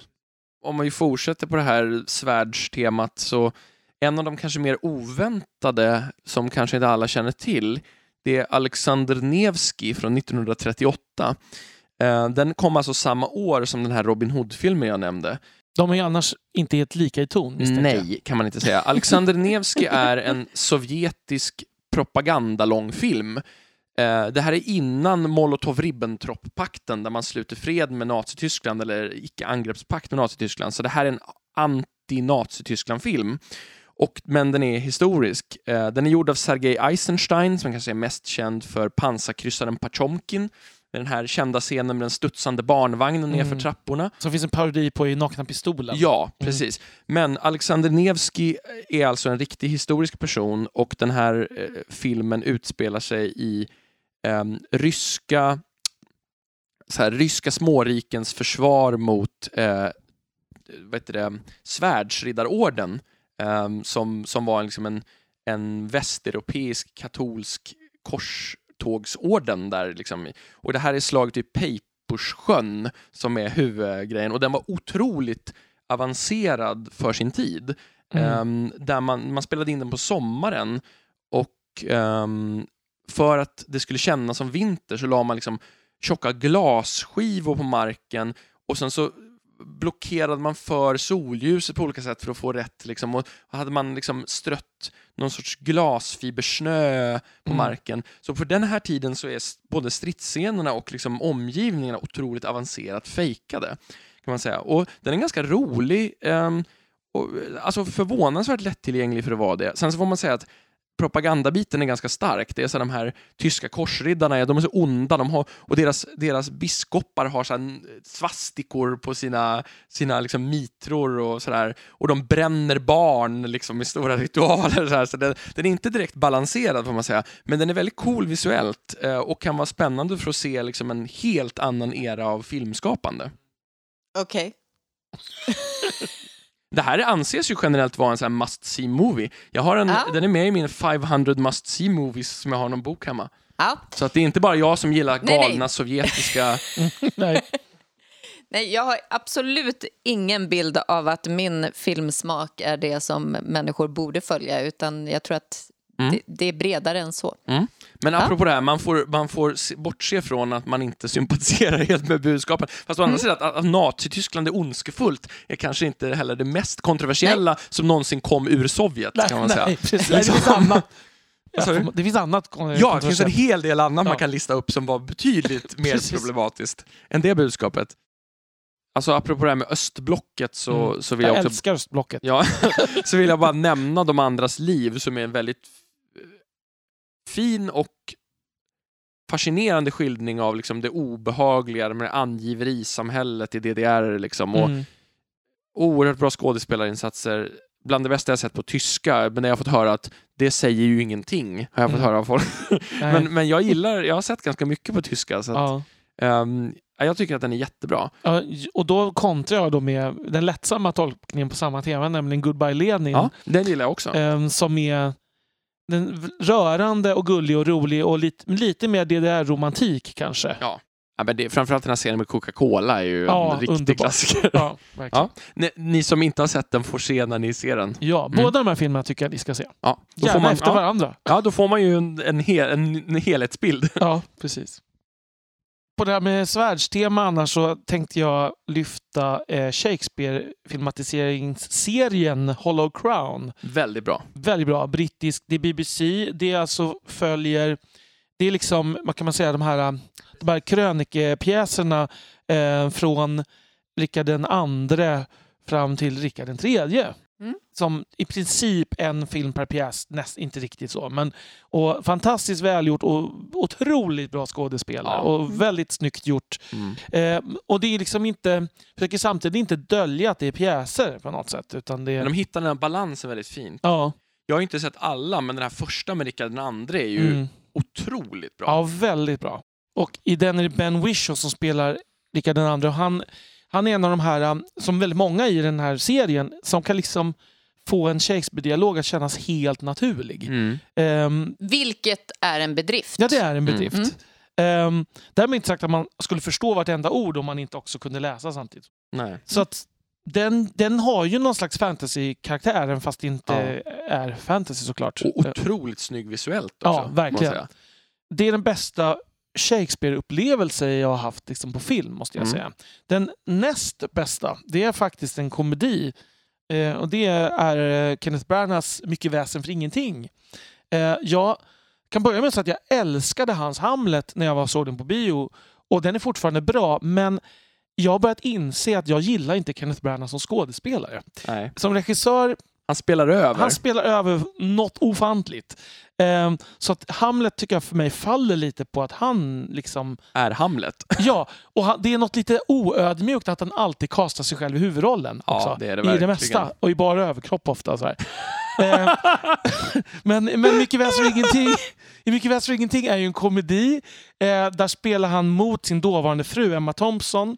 Ehm, så det finns liksom en väldigt bra personkemi. Och den är filmad i liksom norra Italien och det är otroligt vackert och charmigt. Och det är ingen tungviktarfilm liksom på det sättet, men den är, den är liksom genuint trevlig. Mm. Och man måste ju säga att eh, hon är en fantastisk skådespelerska. Så ja, att, hon... I, precis, och då lyfter hon honom på något Ja. plan. Så här. Men när det gäller Shakespeare så kan jag rekommendera eh, en australiensisk Macbeth-variant som jag tror jag nämnt i något tidigare avsnitt. Eh, som kom ut för några år sedan med Michael Fassbender som jag tyckte var väldigt visuellt cool. Mm, Jag har fortfarande Eh, inte sett den. Nej, det, det, alltså jag, jag kan rekommendera den starkt. Den, den blev, fick inte så mycket uppmärksamhet, men jag tyckte den var jättespännande. Mm. Som, och jättebra. Och där, jag tycker att den är inte lika bra på att lyfta den shakespearianska dialogen som The Hollow Crown är. Mm. Men det är en av de häftigaste visuella filmer jag har sett på många år. Den jobbar extremt mycket med ljus och liksom vinklar och dimma och den är på ett väldigt effektivt sätt. Mm. Och Michael Fassbender är väldigt bra i den här ehm, ja, men Mac, alltså huvudrollen i Macbeth där han liksom måste f- faller till föga för sin egen eh, vad ska jag, maktgirighet kan man Mm. säga. Och det Mm. spelar han ut väldigt bra. Just det. jag insåg att jag hade faktiskt en med fantasy kvar. Kör! Eh, och den är svensk. Oh. Mm.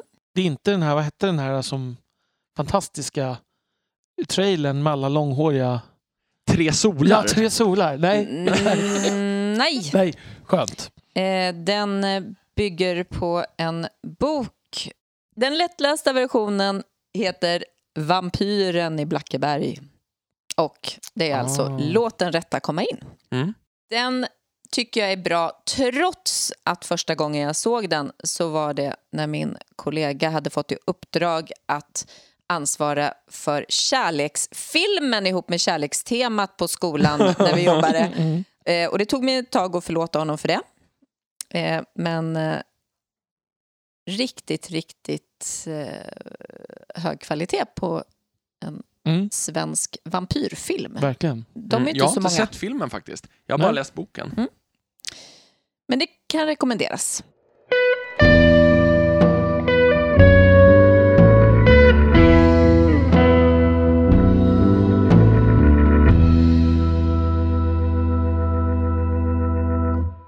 Då kommer vi in lite på skräck. Alltså när det gäller skräck så har jag nog egentligen bara en med. Och det är något som jag såg för inte så länge sedan och det är Hereditary Mm, som Elisabeth absolut inte ska se. nej. Um, undvik Av, den. av väldigt många skäl. Ja, alltså jag skulle säga så här. Ja. Jag har aldrig sett en film i hela mitt liv som du, in, som du ska undvika så mycket. Ja. Nej, men jag, jag kan garantera att jag kommer inte att se den. Nej, bra. Mm. Eh, Det, jag tycker dock att den är helt fantastisk. Det var Mm. kämpigt att se den tycker jag. Mm. Alltså det, var, det är en av de mest tungsedda filmer jag har tagit mig igenom. Mm. För den är så vidrigt hemsk. Men fantastiskt smart och snygg och spännande och läskig som fan.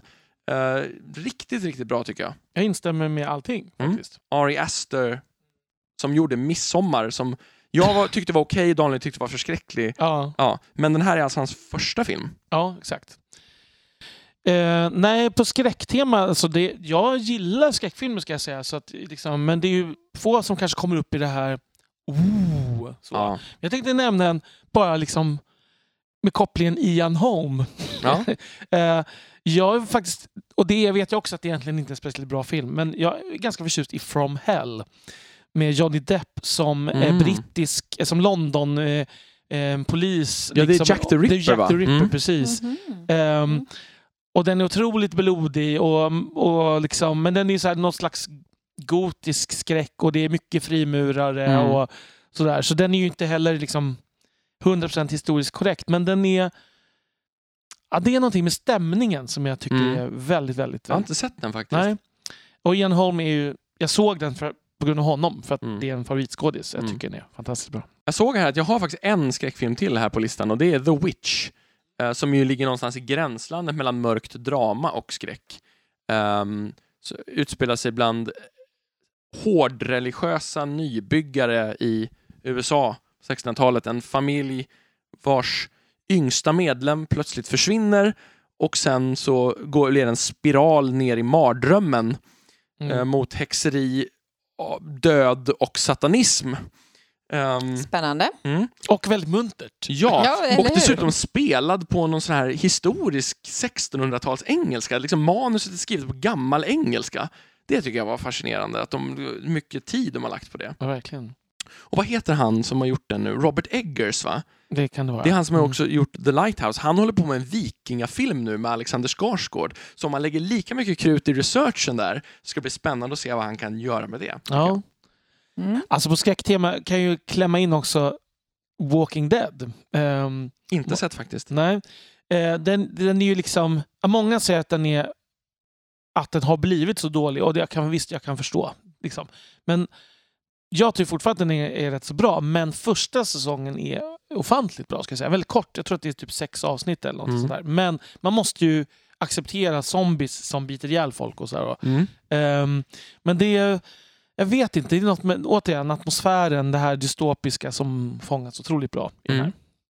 Jag vet inte riktigt om... om eh, det här är ju såklart, det har ingenting med skräck att göra. Ehm, men det är ju ändå lite ondska Mm. ja. med i det hela. Eh, och då finns det ju två serier som, som jag ändå tycker att om man inte har sett dem, det tror jag de flesta har gjort. Men dels så har vi ju då den svenska och då kom vi in åt lite så här deckarhållet snarare. Eh, det är ju så långt som jag sträcker mig i Mm. spänning. Mm. Eh, och då pratar vi om Bron. Jag gillar Bron. Jag vet att inte Daniel och Adam är lika förtjusta i Bron. Mm. Nej, Ehm, alltså, det, det, det finns väldigt mycket som är Ja, det, sämre. det är det sämsta jag sett på Nej. något sätt. Det är, Nej. liksom, ja. Jag tycker om den. Jag tycker om... eh, Ja, nej, jag, jag, jag fångades och blev lagom rädd. Mm. Eh, sådär, så att jag hoppar till högt i soffan. Eh, och det, det funkar. ja, ja. Det funkar väldigt bra. Eh, och sen så är det ju eh, Sherlock. Den Mm. hade jag också på listan. Och, och det är ju alltifrån skådespelarkemi Mm. till eh, ja, upplägg och givetvis att, att det är han Sherlock Holmes berättelser. Smaug och Bilbo löser, löser brott Ja, men tillsammans. eller Ja, hur? I London. Ja, det kan inte bli bättre. Det kan inte Precis. bli bättre. Mm. Nej, alltså, jag, då, då kommer jag osökt in på min lilla lista med brittiska deckare. Ja, Ja. Eh, Den lilla listan. ja, den är, jag får Mm. sålla lite, jag kan namedroppa några. Men Mm. Ja. eh, jag skulle vilja då, apropå Sherlock, alltså Sherlock Holmes, se, filmatiseringarna med Jeremy Brett från 80-talet.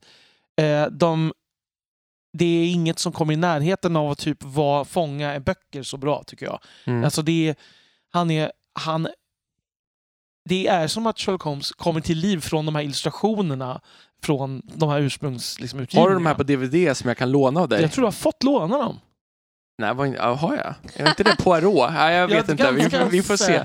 Ja, jag får Ja, kolla får hemma i kolla. så fall. Ja. Mm. Nej, men alltså det, eh, och den serien den blir sämre och sämre vartefter. Dels för att de liksom lämnar det här bokstavstrogna i och med att också att berättelserna blir tunnare ska man säga. Mm. Men också att hans sviktande hälsa gör att han liksom tappar en del. Han dog liksom innan de, de skulle filma klart alla, men Ja. de hann inte. Mm. Eh, men det, om man gillar Sherlock Holmes så måste man se dem. Sen eh, Oxford-koppling då, med, som jag också nämnt tidigare i bokavsnittet, Kommissarie Morse. Men då sa jag också i det avsnittet att här tycker jag att tv-versionen är mycket bättre än böckerna. Mm. Um, apropå antihjälte, han är ganska odräglig i böckerna. Mm. Otrevlig och sådär.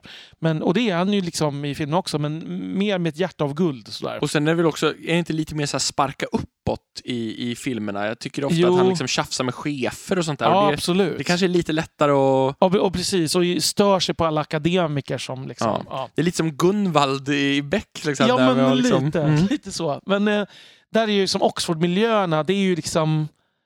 Det var ju därför jag började älska Oxford, så är det ju Mm. de här filmerna. Och så kan jag nämna Poirot till exempel. Jag vill nämna Foyles War som utspelar sig under andra världskriget. Eh, jag vill nämna Prime Suspect med Helen Mirren som, som eh, deckare, deckare. Och sen Murder Rooms eh, som är en fiktiv berättelse om när Arthur Conan Doyle eh, löser brott tillsammans med sin lärare Dr. Bell som ju är den Oho. ursprungliga förlagan för Sherlock Holmes. Jaha. Men det är absolut ingen realism i det här överhuvudtaget. Nej, nej. Men det är Nej. otroligt spännande. Men en rolig eh, tank, Twist på det, tank. liksom. Ja, men precis. Absolut. Men apropå, alltså när det gäller deckare och så, och ondska som vi hade förut här, Mm. så måste ju alltså True Detective Ja. säsong 1 kan vara den bästa säsong av någon tv-serie jag någonsin har sett. Alltså det är bland det bästa som någonsin har gjorts från min horisont. Mm. Är det Det- något som jag bör se? Gränsfall tror jag, eller vad tror du Daniel? Alltså det, det är ju otroligt bra, Alltså, men det är om du Min- står ut Mina med... föräldrar såg den Ja. och liksom, de är, ju- jag tror inte att de är så förtjusta i blod och sådär. Liksom. Nej. Men den är ju existen- existentiellt mörk också. Ja, det är den ju verkligen. Men Och- med ljusglimtar. Ja, nej, men jag tycker att alltså, fantastiskt. Det, det, det, det finns någon sorts liksom, existentiellt äventyr. Det Mm. finns en stark okult Lovecraftiansk underton. Mm. Det finns en sån här, är, finns det något övernaturligt eller är det inte övernaturligt? Det är liksom kult, det är spännande, det är, vet du, det, Men det är också en deckargåta. Man behöver inte ha någon koll på Lovecraft. nej, nej, nej, nej, absolut liksom. inte. Och är Slipper det, man onda barn? Det är vad jag har svårast för av allting. Det gör man väl. ja, det är väl inga onda barn tror jag. Nej, jag tror inte det. Nej. Eh, det. Det gör man nog. Eh, Men, och, och dessutom är det så här, den, den jobbar väldigt snyggt med så här olika tidsperioder, hoppar fram och tillbaka mellan, alltså i tiden, Mm. mellan olika, och dessutom så, vad heter det, mm, eh, så är det fantastiska skådespelarinsatser och liksom personporträtt av de två huvudpersonerna, de Mm. polispartnersarna, eh, Michael McConaughey och eh, Woody Harrelson. Ja. Ehm, och vad heter det, jag, jag tycker säsong två kan man skippa helt. det- Alltså, säsong, det handlar inte, inte alls samma historia, det är andra karaktärer och sådär. Okej. Säsong två kan man Mm. skippa helt och hållet. Säsong tre tyckte jag var bra, men inte i närheten av ettan, som är bland det bästa jag någonsin har sett. Alltså Okej. jag tyckte även om säsong två, om man helt kopplar bort att den skulle heta True Detective. Kan jag säga. Ja, men nej, jag, jag, jag vet inte, det var mycket plattare och torrare Det var för det, mig. Liksom. absolut. Ja. Men Det, är var en, det var en femma av tio och True Detective säsong ett var nästan en tia för mig. Ja, jag förstår. En, en, en serie lite i samma anda tycker jag som True Detective. Det är en brittisk serie som heter Red Riding. Och då heter den liksom Red Riding eh, In the year of our Lord och så 1974 och sen heter nästa film 1980 och den sista 1983. Jaha. Och den bygger delvis på en sann berättelse om The Yorkshire Ripper. Mm. Men det handlar egentligen om någon slags eh, pedofilring, får man säga. Mm. Tror jag. Det är väldigt mörkt. Mm. Eh, och de, den är filmad i som tre olika stilar för varje årtionde. Det är olika huvudpersoner i alla tre. Mm. Eh, men vissa figurer återkommer liksom då. För att det liksom är en, eh, och Sean Bean är med även den här och spelar otroligt otrevlig och lite, så här, lite lönnfet i polotröja. Men här finns det ingen övernaturlig nivå? Nej, eller? det gör inte. Men det är någonting med atmosfären som gör att man liksom ändå får nästan den känslan. Att det är lite kult Ja, eh, precis. grej i alla fall. Ja, jag exakt. förstår hur, Mm. ungefär hur du menar. Mm. För, för jag menar, True Detective balanserar ju på den gränsen Ja, mot verkligen. det övernaturliga. Liksom. Ja, Det går ju att tolka den lite övernaturligt om man vill se den så. det, det gör ju. Ja. Abs- Absolut. En av mina absoluta favoriter, det är Tjernobyl. Ja, Ja. otroligt bra. Alltså det, jag har sällan suttit på nålar så mycket tror jag, som under framförallt första avsnittet av den serien. visste ju hur det skulle sluta! Ja, exakt. Åh Ja. nej! Ehm, så att jag har blivit lite så här, jag har nu råd med att läsa två böcker om Tjernobyl i denna covid-19 Mm. pandemis fotspår. Ehm, och sätta om serien och så. här. Alltså det, dels är det... Den blev ju lovordad av gamla öststats alltså Sovjetblockstidsmänniskor för att de fångade någonting som ingen, inte ens sovjetiska filmer fångade i Mm. att lyckas skildra det här samhället. Och sen är det någonting med att det blir hela thriller-upplägget ändå funkar. Ja. Eh, och sen är det liksom personkemin mellan Jared Harris och Stellan Skarsgård som jag tycker är Dan fantastisk. Skarsgård är ju så otroligt bra Ja, i den här verkligen. serien. Jag Ja. undrar om inte bästa jag någonsin har sett Dan Skarsgård. Jo, så kan det vara. Har ni sett tacktalet där han eh, eh, dedikerar priset eh, till att han fick eh, ögonbryn?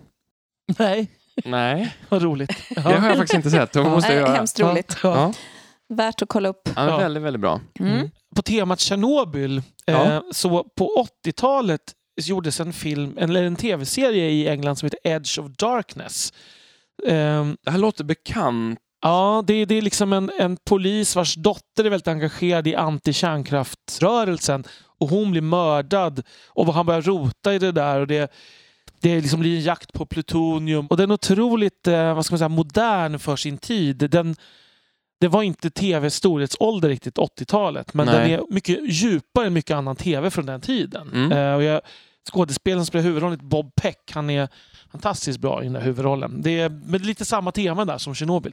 Det, där är ju, det är ju lite HBO från deras bästa sida. Ja. Och då kan man ju också komma in på till exempel Rome, Mm. som eh, inte är lika bra som Tjernobyl, men som ju är lite som ett vad ska man säga, vad heter det här, Daniel, ord som du alltid använder när, när man provar, man lär sig någonting. Du sa någonting om Celebrimbor och de andra ringarna. Um, Oj, etyder. Etyder. Ja, Ja, ja, alltså det. det. Ja. är som en så här, ett övningsverk inför att göra Game of Thrones, Ja, ja, känns det lite som. precis. Ja. Den stora sorgen bara att den lades ner så tidigt. ja, och därför kunde- så blir andra säsongen väldigt framrushad. Ja, liksom. verkligen. Men första säsongen framförallt oerhört bra. Man får se det romerska samhället både uppifrån och nerifrån. Ja. Från arbetarklassen på gatan, om man, eller liksom folket på gatan och från Caesar och personerna runt honom. Mm. Eh, bra skådespelarinsatser. Tyvärr är det väl lite så som HBO framförallt var mer då, att det är väldigt mycket att försöka sälja med sex. Ja. Det kan jag tycka är lite synd. Det, är lite, ja, det är väldigt synd för att det är så mycket som är väldigt bra. Liksom. Ja, Och det hade verkligen inte behövts. Den, hade, den står jättebra utan det. Ja, Och det är så väldigt vanligt för HBO. Ja, Ja. De hade det som uttalad strategi. Ja. ja. Och, och, men å andra sidan, det som de gjorde var ju att de vad ska man säga, om de hade, man nu skulle kunna ta bort det bara, man skulle kunna klippa de scenerna. För det Ja. de också hade var att de la ju mycket mer tid på manus och sånt än i typ all annan tv vid den Ja, ja, tiden. verkligen. Jag vet, inte, kan vi namedroppa några till HBO-serier? Mm. Deadwood, ju, Mm. som utspelar sig i en stad i western. Den har inte jag Eh, sett, men jag vill se. Mycket bra. Mycket Mm. bra. Jag skulle nog gilla den, kan jag Ja, det dig. tror jag. Det är ett Ja. väldigt blommigt språk och sådär. Mm, det, Ehm, det är bra. Det är bra. Eh, Carnivale som utspelar sig bland liksom... Alltså den, det är någon slags så här kosmisk kamp mellan ont och gott som också tyvärr lades ner efter två Mhm. eh, säsonger. Och den utspelar sig liksom i ett sånt här freakshow-sällskap på 1800-talet. Typ. Jaha, intressant. Ehm, och sen tänkte jag också på, alltså det finns ju så många. Det är så Westworld och det är Handmaid's Tale och sånt som jag tycker är värt att se. Liksom. Mm. En av mina absoluta favoritserier, The Wire, är också HBO. Nästan så långt bort från Tolkien man kan komma. Mm. Cyniskt, samhällskritiskt, icke-idealistiskt amerikanskt polisdrama med knark. Liksom. Det är svårt att komma längre från Tolkien. Verkligen. Men oerhört bra. Eh, jag måste bara ta upp också den danska serien Matador eh, som är från 80-talet, tror jag, om jag inte minns fel. Och är ju någon slags, egentligen skulle man kunna kalla någon slags såpa. Men det utspelar sig i en liten by och det är lite i Danmark som eh, det före andra världsk- mellankrigstiden och sen in i andra världskriget. Så liksom Mm. Den blir allvarligare och mörkare. Man får följa flera familjers liv. Eh, Matador betyder det är ju liksom danskarna på monopolspelet. Ah. Eh, så det handlar ju liksom också om de här familjernas fejder med varandra och sådär. Eh, men den, den har någonting som inte så många andra serier, liksom den typen av serier hade vid den tiden. Det är något liksom fint och allvarligt. Också lite med att det hänger ihop bättre. Det är inte så här fristående avsnitt och så.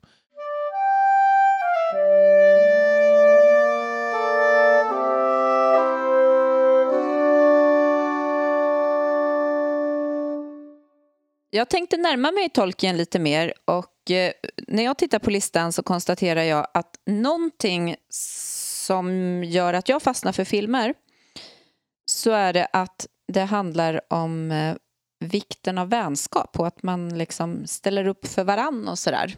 Mm. Eh, det är nog ett tema som är ganska genomgående, konstaterar jag när jag tittar här. Eh, och då tänkte jag att vi kan väl ta en vända med sådana.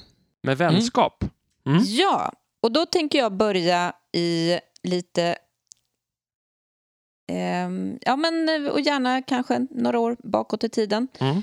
Stand by me Mm. eh, skulle jag säga går aldrig att komma ifrån för min del. Jag älskar den filmen och jag älskar det som temat och jag tycker det ligger väldigt hand i hand med Tolkien. Det gör det verkligen. Mm. Det är som ett lit, en liten quest ju. Eller hur? Ja, absolut. Ja. Med hinder på vägen. Och, Ja. mm. Har man all, och, och där är det ju... Jag tycker, jag tycker om eh, bokformen, men jag tycker väldigt, väldigt, väldigt mycket om filmatiseringen också. Verkligen. Mm. Mm. Håller med. Jag ser här att jag, jag har nästan ingenting där det är liksom i, i centrum.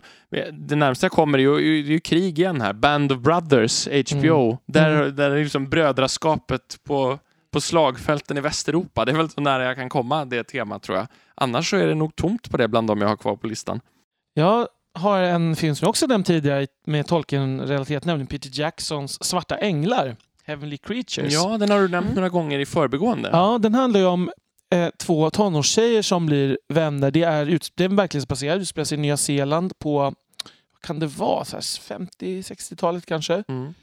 Och, och på något sätt kanske deras vänskap touchar vid att de liksom får att bli förälskade i varandra. Men Mm. i alla fall blir de väldigt åt extremt intim, liksom, intima vänner. Mm. Och deras föräldrar börjar liksom ifrågasätta den här vänskapen och tycker att det är olämpligt. Mm. Mhm. Ehm, och nu kommer jag att spoila lite här, men jag, så det här är ett liksom, historiskt fall. Så det som händer är att de bestämmer sig för att det är den ena tjejens mamma som är syndabocken och de mördar henne. helt enkelt.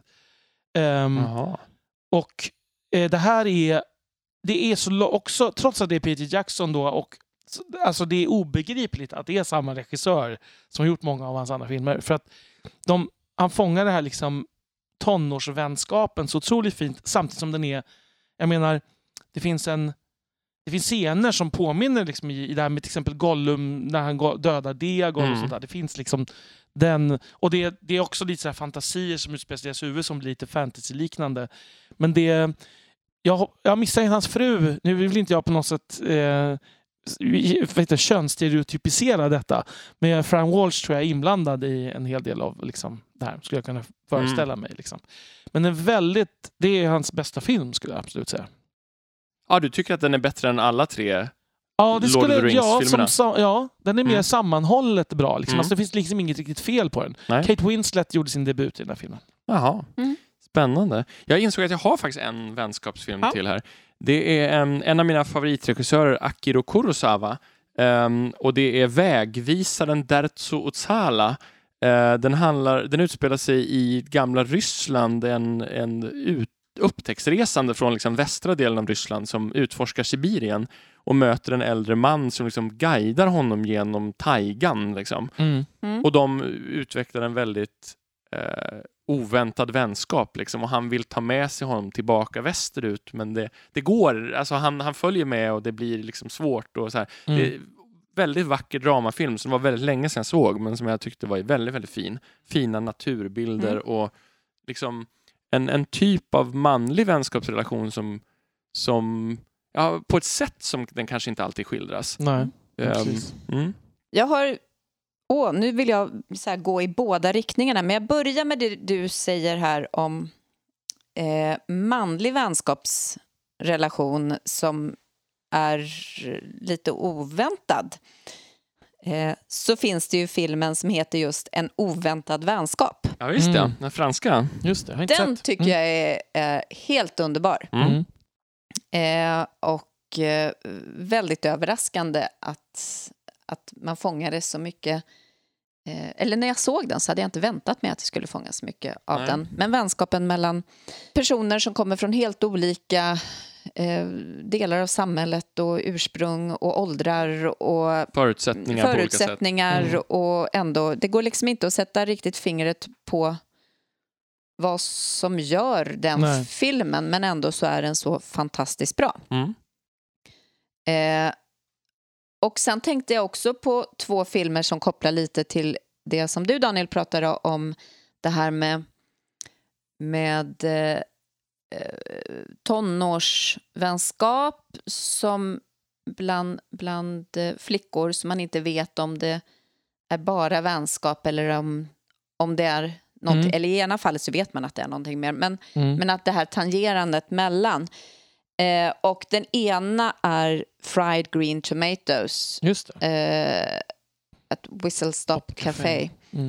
Eh, Är det den här underbar. författaren John Green, eller? Nej? Som har skrivit bok, eller? Nej? Eller blandar ihop det med Nej, något? det är en kvinna som har skrivit. Ja, Eh, ja. Fanning eller någonting. Ja, kanske det. Jag kommer Mm. ihåg. okej. Eh, underbar film, Mm, verkligen. tycker jag. Verkligen. Otroligt länge sedan jag såg. Eh, två kvinnor. Eh, och den går fram och tillbaka eh, i historien. Så att det är nutid och, eh, his, eh, och gå tillbaka en generation och berätta om eh, amerikanska södern och dess problematik. Mm. Eh, men men väldigt, väldigt fin berättelse. 90-talet typ va? Ja. Mm. Eh, och sen även så är vi kvar på, på 90-talet och eh, går hit, kommer hit till Sverige och säger fucking Åmål.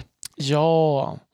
Det Det är en väldigt fin sedan. film. Ja, Den är ju eh, svår att inte ha med på listan, tycker jag. Den är... Eh, ja. Ja, väldigt, väldigt fin. Det var ju en av de liksom, första stora mainstream-filmerna som liksom skildrade det här, tycker jag, med liksom, två tjejer som blir kära i varandra på, på det sättet. Mm. ja. Ehm, mm. Fantastiska skådespelarinsatser Mm. och eh, ja, nej, den, den är genialisk. Ja, nu är vi inne på någon slags drama ändå, får man säga. Ja. Jag, Det är ju där man hamnar så lätt om man heter Elisabeth. ja, Ja. precis. Mm. Men då tänkte jag ta upp två, hel, två helt olika draman. Då. Eh, Mm. Dels i Faderns namn, In the name of the father, som är också verklighetsbaserad. Daniel Day-Lewis spelar eh, vad ska man säga, irländsk bråkstake som blir falskeligen anklagad för bombdåd i London. Mm. Eh, och så är det skildrar liksom rättsprocessen. Emma Thompson spelar hans advokat. Och det är en av de mest upprörande filmer, tycker jag, som jag har sett. Ehm, den här liksom kampen för att rentvå sig själv. Och hela Mm. hans familj sätts också dit för det här. Liksom. Ja. Mm. Eh, och sen Road to Perdition som är en maffiafilm fast mer i dramaform med Tom Hanks där hans eh, han är liksom eh, han är en mafioso och hans lilla son råkar bli vittne när han, eh, hans pappa då och en kumpan är ute på ett sådär hitjobb. Eh, och då blir det så att då måste de göra sig av med den här pojken så att Tom Hanks flyr med sin son. Mhm. Um, oerhört bra. Ehm, och om man, om man liksom... Det är en maffiafilm där liksom inte våldet är i centrum, så kan man säga. Vilket ju är ovanligt. Ja, Mm. Får man säga. Mm. Ja, um, dramer, alltså ett drama om med, så då, med kärleksrelation eh, och kanske, jag kan tycka att det finns någon Tolkien-koppling, tänker jag på vet det, Wes Andersons Moonrise Kingdom, Mm. som jag tycker är väldigt, Mm. väldigt fin.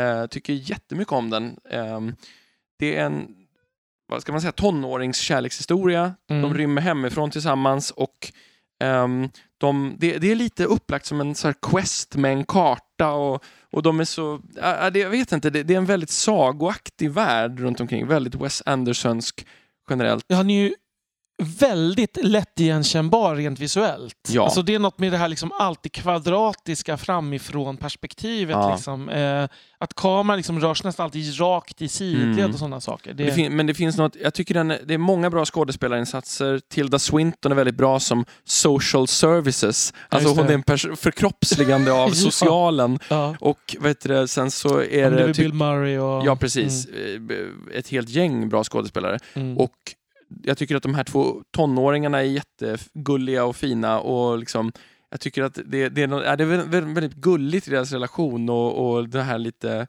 Alltså hur, hur stort allvar de tar sig själva på och varandra på. Det, Mm. ja, jag vet inte, jag tycker väldigt mycket om den.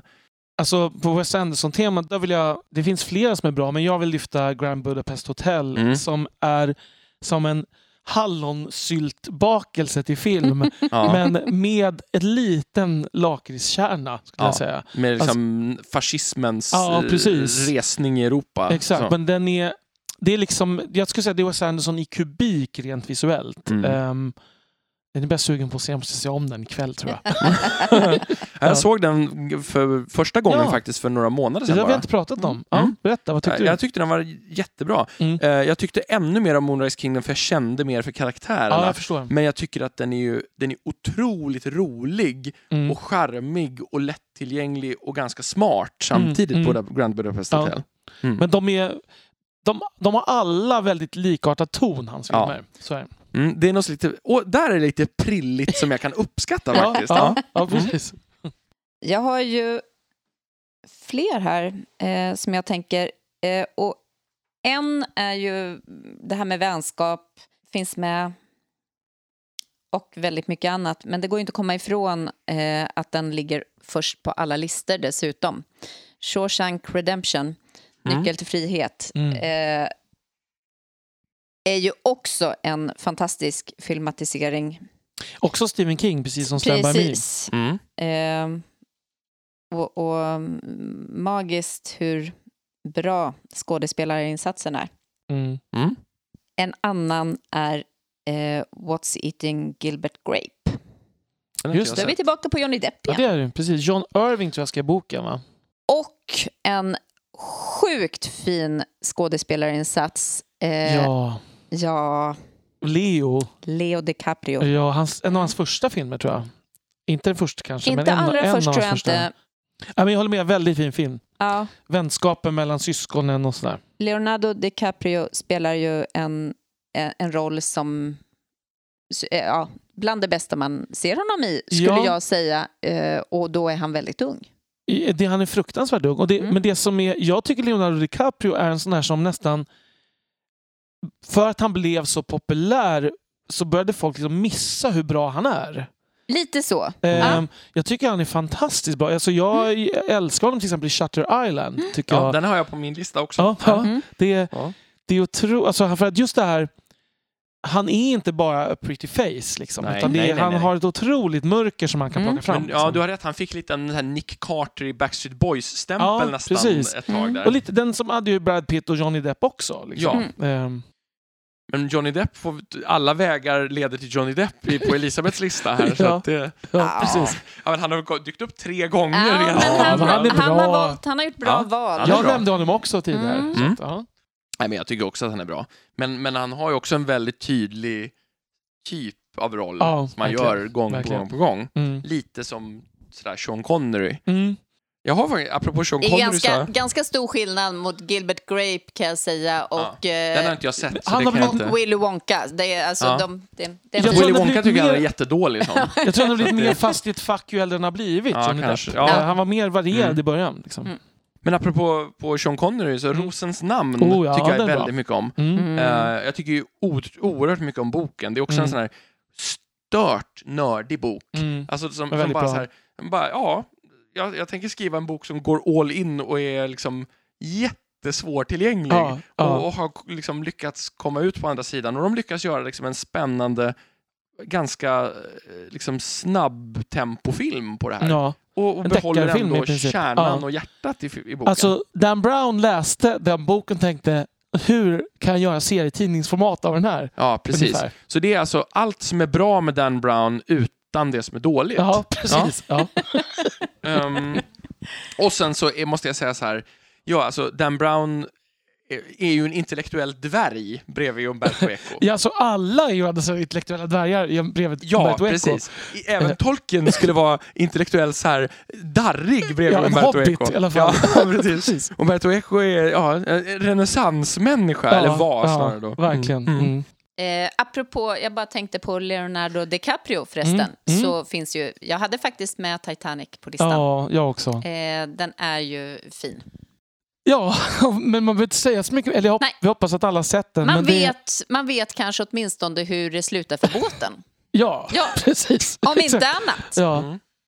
Om man pratar om det här med skådespelarinsatser och eh, ja, filmer som kanske är svåra att komma ifrån. Jag tror att alla människor har sett dem, men har man inte det så måste man faktiskt se dem. Och det, där i det facket placerar jag inte bara Nyckel till frihet, utan jag placerar även Forrest Gump. Mm. Mm. Eh, har man inte sett den så måste man se den. Mm. Eh, Ja, för den, håller jag är, med om. den, den har liksom allt, egentligen, Mm. Mm. tycker jag. Ja. Eh, allt ifrån skådespelarinsats till eh, ja, men, vänskap, kärlek. Eh, John Lennon är med i en liten scen. Lite John sak. Lennon. Eh, krig, man får springa omkring med gevär och Mm. spela pingis. Man och, lär sig väldigt mycket om amerikansk historia. Ja, Mm. Ja. Nej, men det, den, är, den är svårslagen. Mm. Eh, Jag tycker den är okej. Tre av fem. du menar allvar? Ja, Du är inte alltså så helt okej. den. Jag, tycker den är, den är för mainstream för mig. Den, Okej. är, den är för så här, ty, väldigt amerikanskt, man Ja. ska tycka om det här Ja. för mig. Men, men in, helt Och okej. jag köper den. Nej, men jag förstår. Men det är Tom Hanks, hela Tom Hanks är lite så för mig. Ja, Okej. Jag stannar kvar i USA här eh, och konstaterar att det finns en eh, debutfilm som eh, plockade upp två skådespelare i, i finrummet från att det ha varit ingenting alls. Eh, genom att både spela och eh, jag vet inte om de regisserade men de hade skrivit manus i alla fall Ja, just på det. Nej, det är bara skrivit tror jag. Mm. Mm. Good Will Hunting. Mm. Just det. Jag har faktiskt inte sett. Oj! Jag Mm. vet ju vad den handlar om. Mm. Jag har tänkt se den, men det har inte blivit av. Mm. Nej men himmel. Här får du till och med Stellan Skarsgård. Jag tror den ligger på Netflix faktiskt. Mm. Robin Williams Ja. är väldigt bra i den här också. Ja. Mm. Nej men det finns ju inget som inte är bra. Mm. Där också. Jag har inte sett den sedan 90-talet dock, ska jag säga. Nej men det har jag. Mm, jag förstår. Ja. Jag skriver upp den här så påminner mig själv att jag ska se den. Mm. Good Will Hunting, absolut. Den finns på Netflix.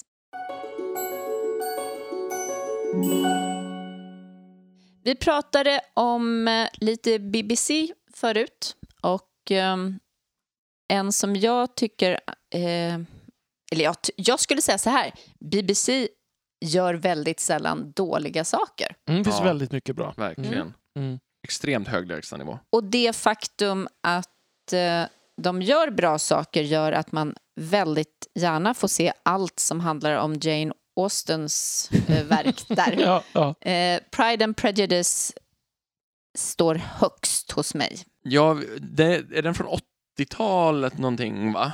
Det är den ja, där... det kan stämma. Ja, mm. Mm. Eh, Mr Darcy spelas av... ehm, Colin Firth. yes. Ja. Jag har Precis. börjat titta på den någon gång, men jag, det var hemma hos en kompis, så jag har den inte själv, så att jag har inte Ja. sett den. Nej, men den, den, eh, Jag har inte sett. Under många år såg jag den en gång per år.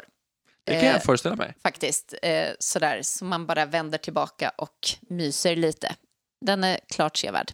Ja, du, det kan vi påminna om att det här, vid sidan av Tolkien är Pride and Prejudice kanske din favoritbok också, väl? Absolut. Mm. Eh, Jane Austen har ju gjort många bra.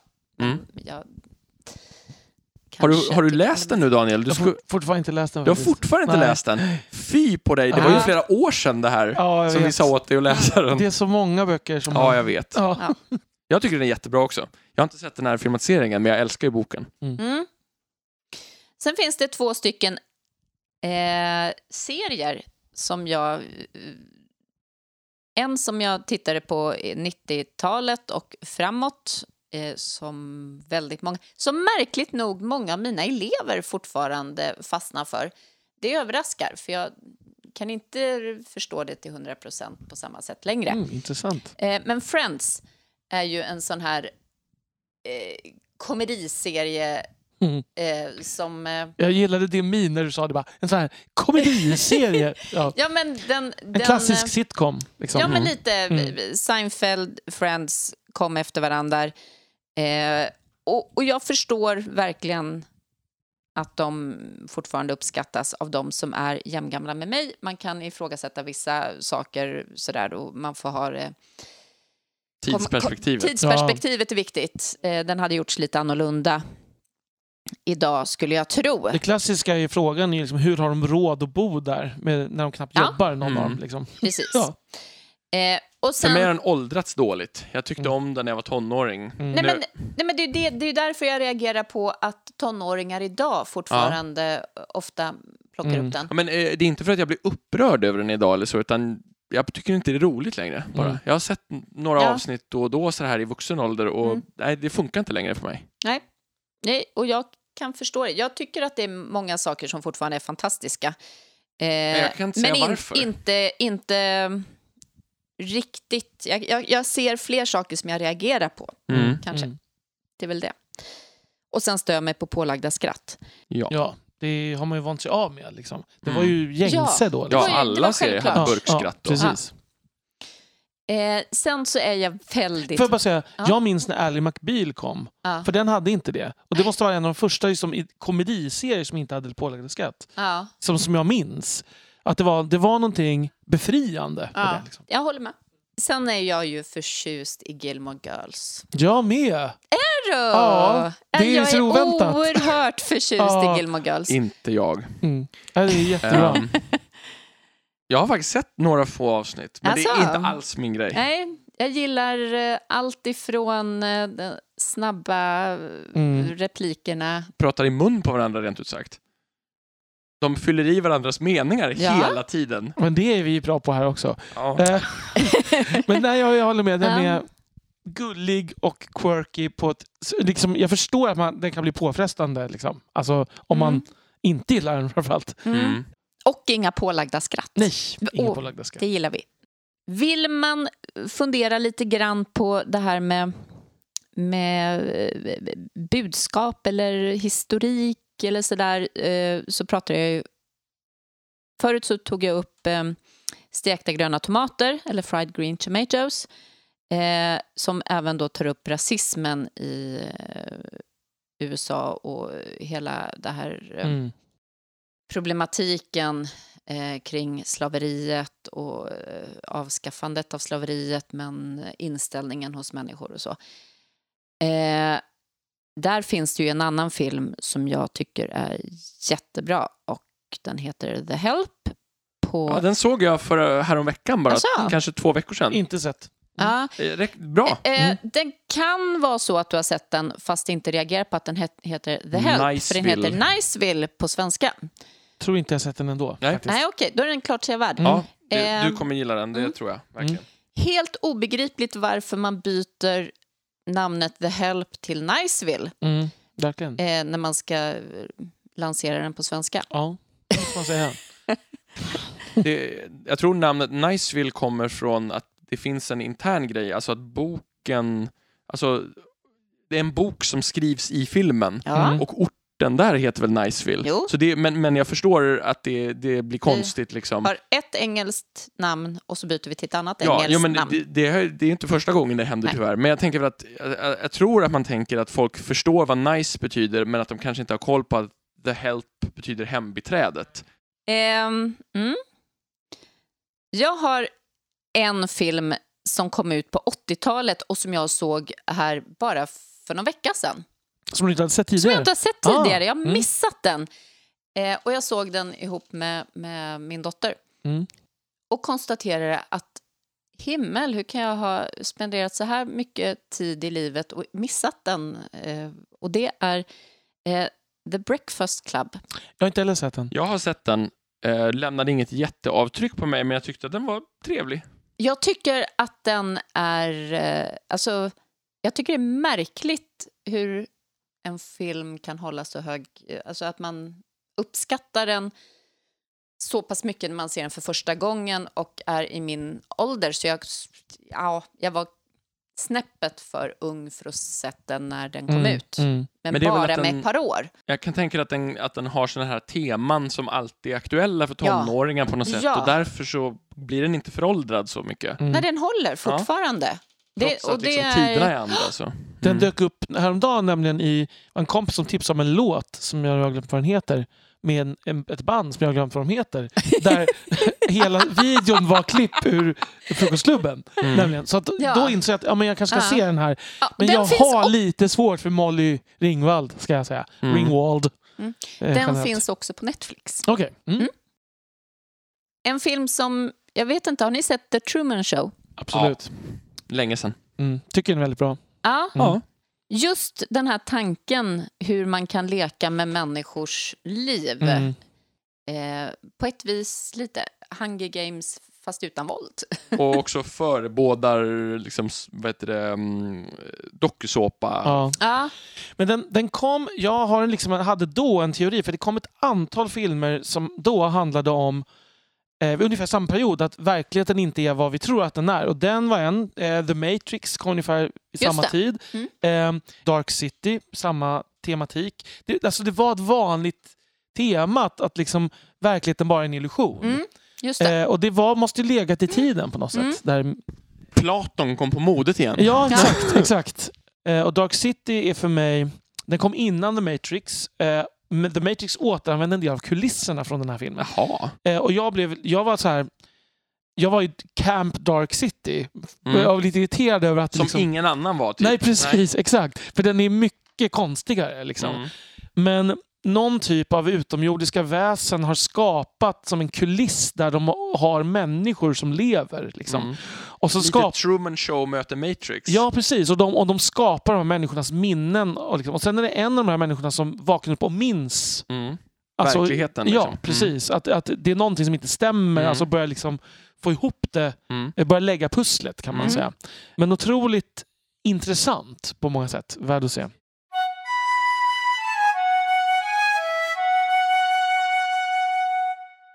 Nu var det faktiskt så att Elisabeth var tvungen att gå för vi spelade in, vi spelade in så mycket i ett svep här. Mm. Så vi, ni får hålla till godo med oss två en liten stund. Precis. Men ni behöver inte vara oroliga för att vi har spelat in slutet så att eh, vi ändå får med Elisabeth på slutet. Precis. Och och hon får vara med och göra slutanalysen. Ja. Så det är inte helt enkelt så att vi har liksom bakbundit henne med munkavle Eller här. med utan- kloroform som mitt inte är. Ja, precis. Ja. Eh, utan hon har alltså gått till familje, vet du, det, istället.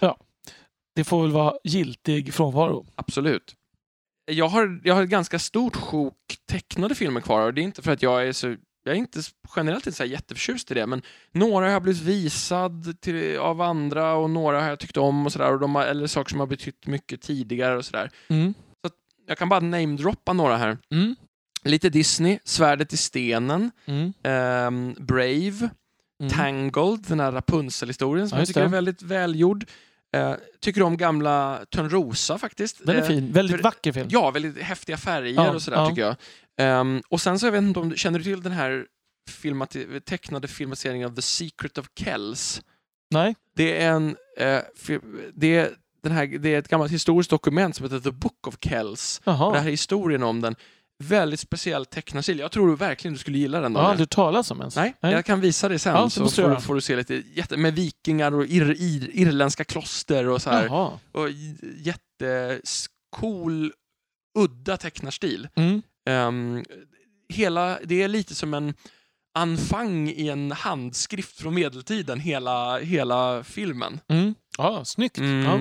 Så den kan jag rekommendera. Um, Spirited Away eh, tycker jag är Miyazakis bästa. Normalt är jag inte så förtjust i de japanska Mm. eh, an animerade, men den tycker jag om. Jag gillar det här att kliva in i den andra världen. Mm. Liksom. Mm. Jag håller med. Utav det jag har sett så tycker jag också att det är den bästa. Ehm, ja, det kanske var de jag hade kvar av... Jo, gamla Mumin, Mumindalen, Ja. den här japansk-finska samarbetet som kom på 90-talet. Mm. De tittade jag på väldigt mycket när jag var barn. Ja, jag glömde ju Tintin. Ja, det får inte glömma. Nej, alltså jag älskar ju Tintin, eh, framförallt, Mm. men de här med Thomas Bolme, ehm, franska serier tror jag kanske, kanske var belgiska, men jag tror de var franska, eh, där de hade försökt liksom göra tecknade versioner av Hergés liksom, teckningar.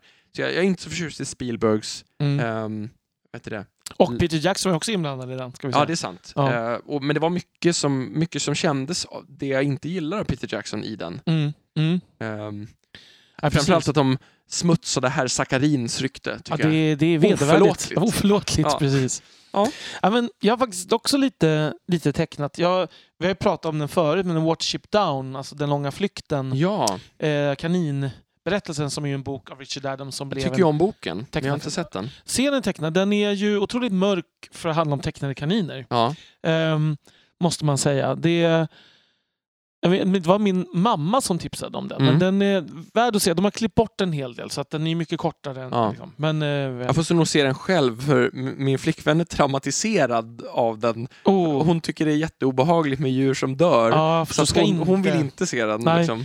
Nej, det är liksom mycket kaniner som biter ihjäl andra kaniner. Och Ja, så. precis. Ehm, så, men annars eh, tecknade, jag har ju också några Disney-filmer, inte alls samma som du dock. Jag har eh, Fantasia Mm. eh, som för mig, jag ska inte säga att det öppnade dörren till klassisk musik, men ändå öppnade några dörrar. Mm. Så kan man säga. Många av de liksom, segmenten, för det är ju, den är otroligt experimentell för att vara 1940. Det är ju Disneys tredje långfilm tror jag. Ja. Och de har gjort Snövit och Pinocchio innan. Och sen bestämde för att nu ska vi göra en film helt utan handling och det är klassisk musik och vi gör konstnärliga experiment till. Liksom. ja, det är väldigt speciell... Ja, det är, det är modigt. Ehm, sen är liksom av de mer traditionella så är mina, mina Disney-favoriter Djungelboken, Aladdin och Lejonkungen. Ehm, Ja, jag gillar Lejonkungen också. mm. Eh, Djungelboken och Aladdin tycker jag är helt okej, men jag känner inte så mycket för dem. Ja, jag alltså. förstår. Mm. Mm. Eh, och sen på liksom temat animering så The Nightmare Before Christmas eh, som ju är- liksom en idé av Tim Burton. Ja. Eh, han har inte regisserat det, men det som jag tycker, det handlar ju om Jack Skellington som är kung i Halloween Mm. som bestämmer sig för att han ska ta över julen i år Mm. till, eh, vad ska man säga, med, med mindre lyckat resultat får man säga. Ja, eh, jag har sett den, jag såg den första gången bara för något år sedan eller två. Mm. Liksom blev tipsad. Mm. Eh, jag vet, det är inte riktigt min typ av grej tror Nej. jag, men, men jag kunde liksom, jag tyckte det var rolig. Så. Ja, den är mör- liksom mörk humor på Ja. något sätt. Det, och sen älskar jag musiken, måste jag säga.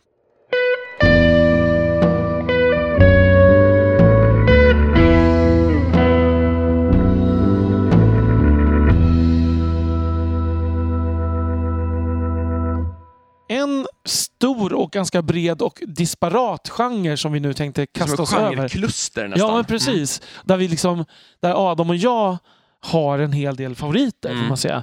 Eh, det är liksom det här där vi pratar om någon slags mysterium eller sci-fi eller dystopier eller postapokalyptiska filmer på något sätt. Mm. Eh, Lite övernaturligt, var går gränsen mellan verkligt och inte? Ja, precis. Så. Vi har Mm. redan varit inne på lite det här, Ja. men eh, eh, där, där finns ett helt gäng med olika saker vi skulle kunna Mm. ta upp. Eh, och jag tänkte, vi kan utgå ifrån min absoluta favorit-tv-serie i alla Mm. kategorier. Twin Peaks. Det är korrekt gissat. Ja. inte, så, inte så oväntat med tanke på att du skriver Facebook-meddelanden om det ganska regelbundet. Dagligen nästan, Ja, till de nästan. olika nya teorier jag har. Precis. Att jag gillar ju Twin Peaks väldigt Ja, mycket också. Och det är väldigt tur att, för att då står det ut med att jag skriver om Ja, men jag tycker det är spännande. Mm. Eh, Men jag är en novis på det här jämfört med Daniel. Jag menar, hur många gånger har du sett den? Ja, Alltså jag vet inte ens. Jag kanske har sett, jag har nog sett säsong ett tre gånger och Ja. den har jag sett mest. Alltså jag, jag såg den inte när den gick. Det Nej. gjorde jag inte, för då tyckte mina föräldrar att jag var lite för liten. Mm. Men jag såg den nog ett par år senare. Jag började samla den på VHS. Jag fick av min morfar julklapp. Liksom, Ja. jag. Ehm, nej, jag har sett den väldigt många gånger. Och Det intressanta med den tycker jag, det är ju att när den kom var den ju revolutionerande. Liksom, I det här att man, man kunde inte se ett avsnitt varannan vecka och tro att man skulle kunna hänga med. Liksom. Utan det var en plotline som, för, som krävde att man följde den. Och så är det ju med allt nu. Så är det med allt nu. Och då var det så här, nej men polisserier, komediserier och, och så, såpor var ju det som... Mm. Och det, det var, hade inte det. Och så fanns det enstaka miniserier Mm. som man var tvungen att Men de hade se. kanske fem avsnitt. Ja, sådär. precis. Mm. Eh, men jag, det intressanta är att jag tycker att den på många sätt fortfarande är rätt originell. Ja. Ehm, och det beror ju säkerligen väldigt mycket på David Lynch och ska vi nämna Mark Frost också som de skrev Han blir alltid bortglömd Men han blir alltid bortglömd. Jag såg en rolig meme om Twin Peaks fans som räddar David Lynch när han håller på att drunkna med Mark Frost får drunkna. Liksom. Ehm, Ja. och sen kom ju nu för tre år sedan kom det ju en, en jag ska inte säga säsong tre nästan, för att det är mer som en... Det är inte en reboot heller. Det är svårt att säga vad det är. En uppföljare Ja. för 25 år senare, Ja. som också utspelar sig 25 år senare. Mm. Och som ju är... Som jag skulle kunna tänka mig att den är ungefär lika konstig nu som folk tyckte att första säsongen var då. Mm. Det är väl vad man skulle kunna... Man, den är väl, även om den har samma personer i sin historia skulle man ändå snarare kalla det för spiritual successor än en Ja. faktisk uppföljare. Verkligen. Ja. Liksom. Mm. Det finns tematik som är lite lika, men det, det, det är som att man har renodlat det som var surrealistiskt och konstigt i den första, första serien, första Mm. två serier, säsongerna. Liksom. Mm. Ehm, I någon slags destillat. Verkligen. Det, och det som jag gillar med den här är ju dels det här att det är någon slags dröm. Man vet inte, vad, är det dröm eller verklighet? Det finns också ett mytbygge som introduceras vartefter. Med okulta touchar här och där. Ja. Och, mm. Men det som jag tror egentligen är kärnan egentligen är att det är ett otroligt mörkt familjedrama i botten ehm, som grundar sig i något väldigt äkta skulle jag säga. Mm. Man kan se den på flera nivåer. Ja, kan man verkligen. säga. Mm. Mm. Och man kan, lite som vi sa om Pans labyrint, där man kan välja att läsa på flera olika nivåer hur konkret eller abstrakt man ser saker. I dess fotspår sen på 90-talet kom ju då Arkivex, The X-Files, som ju gick i många säsonger och liksom tappade i kvalitet vartefter. Men de första typ fyra säsongerna tycker jag fortfarande är väldigt, väldigt spännande, även om allt inte håller. Det är mycket konspiration och eh, ufon och liksom... Eh, men det, den var också det här med Mulder och Scully som sprang omkring med ficklampor i mörkret. Liksom. Mm. Mm. Något som jag kopplar till det är ju den här Netflix-serien Dark, Mm. tyska, Mm. som är en oerhört komplext plottbygge, får man säga. Ja, Eh, jag har bara sett första säsongen än så alltså den första säsongen, alltså jag tycker den andra är inte dålig, jag har sett den också, men den första är vassare för mig. Mm. Vissa var, tyckte att den blev ännu bättre, det var, men det var, nej jag vet inte, jag tyckte att det blev det gick lite till överdrift nästan. Ja. I, i nummer Ja. två. Det blev för mycket av det goda. Liksom. Ja. Eh, och, men ehm, nej, men jag tycker att det är kul med, med de som liksom verkligen tänker igenom det tema man försöker förmedla. Jag ska inte säga mer än så, för annars kanske man Nej, jag förstår. lite grann. Mm. Men man har verkligen tänkt på implikationerna av det koncept man försöker bygga. Ja, ja. Mm. Men lite som i samma kategorier, där tycker jag Lost eh, tv-serie också Mm. passar in. Där, återigen, första säsongen tycker jag är helt fantastiskt bra för att det är det här man vet inte varför någonting händer. Och sen introduceras nya element som gör att det hela blir mer och mer obegripligt. Man bara undrar, men vad är det Mm. egentligen som pågår? Jag har inte sett Lost, men det jag har hört är att många tycker att den inte besvarar tillräckligt många frågor för att hålla ihop. Nej, precis. Det är så jag minns. Jag har inte sett hela på väldigt länge. Men kan, Twin Peaks tycker jag ändå gör det. Ja, Alltså den, den besvarar tillräckligt mycket och ger tillräckligt mycket ledtrådar för att man ska, och, och dessutom så förhåller den sig friare. ja verkligen. Lost får jag lite känslan på, på, som jag har fått det beskrivet för mig, att det är lite så att man, man ställer en jävla massa frågor och sen bara, hur ska vi lösa det här nu då? Precis. Och sen så... Och så måste man liksom skynda sig med Ja. vissa saker. Så mm, Nej, absolut. Eh, och i Twin Peaks är ju egentligen inte svaren poängen, känns det som. nej, nej, absolut och det, är, inte. det känns det som att det är i Lost. Ja. Eh, men en mer jämn serie som jag verkligen kan rekommendera som inte har sett är Leftovers. Det har jag aldrig hört talas om faktiskt. Nej, det utspelar sig i en värld där en viss andel av befolkningen bara helt plötsligt en dag försvann. Eh, och kvar har vi liksom en eh, massa människor som lever med traumat efter det, kan man säga. Oj, de bara försvann Ja, spårlöst. alltså man, det, och det är inte liksom, egentligen inte relevant hur det här gick till. Eh, och i det här har det liksom bildats sekter som försöker förklara det här och liksom man får följa familjers sorg och bearbeta. Eh, och det är tre säsonger och de är ganska olika men de, det, det är som att man valde att bara göra tre säsonger Mm. vilket är väldigt skönt att kunna Mm. liksom avsluta en berättelse. Så Ja. jag, den är väldigt sevärd skulle jag säga. Ja. Kul! Alltså det, är- det är roligt det där när man istället för att kämpa med att försöka förklara något och som inte aldrig kommer bli lika häftigt som frågorna, Mm. tänker att ja, men den biten eh, spelar ingen roll. Ni Nej, får bestämma precis. själva Det är vad ni bara tror. premissen. Liksom. Ja, precis. Ja. Mm. Ja, det är kul. Jo, men en, en mer modern serie som kanske inte är lika jämn, men där jag tycker topparna är väldigt höga, som kan fokas in i det här, det är ju Black Mirror. Mm. Um, där ju varje avsnitt är en egen historia. Ehm, och den här är ju ibland väldigt chockerande. Vissa blir liksom avtända redan efter första avsnittet och tycker att det är liksom för mycket. Är första avsnittet det här med politikern? Och... Ja, det är mm. Jag har bara sett två avsnitt än Mm. så länge. Men det ska jag tycker resten. inte att de två första avsnitten är bland de bästa. Nej. Så att jag tycker det, det finns ett par, och, och jag kan säga så här, ibland så tycker jag så här, det finns ett par som jag tycker är i ett riktigt toppskikt av det jag sett på tv. Mm. Och andra avsnitt där jag känner så här, varför är världen så fruktansvärd? Ja, jag förstår. Alltså så ja. är jag helt mm, skadad efteråt. Liksom. ja. Ehm, sen kan jag kanske tycka att det har blivit lite gjort nu. Alltså att de har hållit på så länge. Jag har inte sett riktigt allt, men det är mycket. Mm. Ehm, jag tycker dock att det är intressant. Om man är en sån här som gillar vart skulle det här konceptet ta vägen? Tänk om det vore så här, vilket jag tror att vi är. Mm. Så då är det, tycker jag, fascinerande. Inte riktigt Elisabeths Nej, nej, precis. kopp te.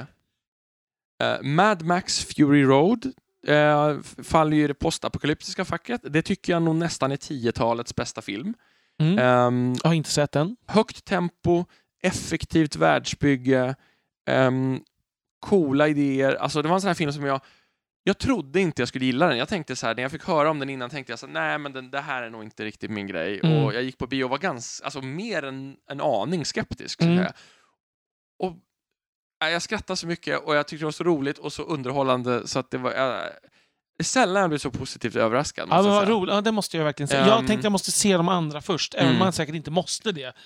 Tvåan är ju en, en klassiker eh, framför allt. Mm. Då, men jag tycker att den här är klart bättre än de gamla Mm, faktiskt. Ehm, Det kan jag tänka mig, för de är ju, speciellt den första är ju väldigt eh, lågbudgetfilm. Ja, precis. Nej, men jag tycker att det är mycket som är väldigt intressant och hur man bygger värld ut helt utan att skriva på näsan.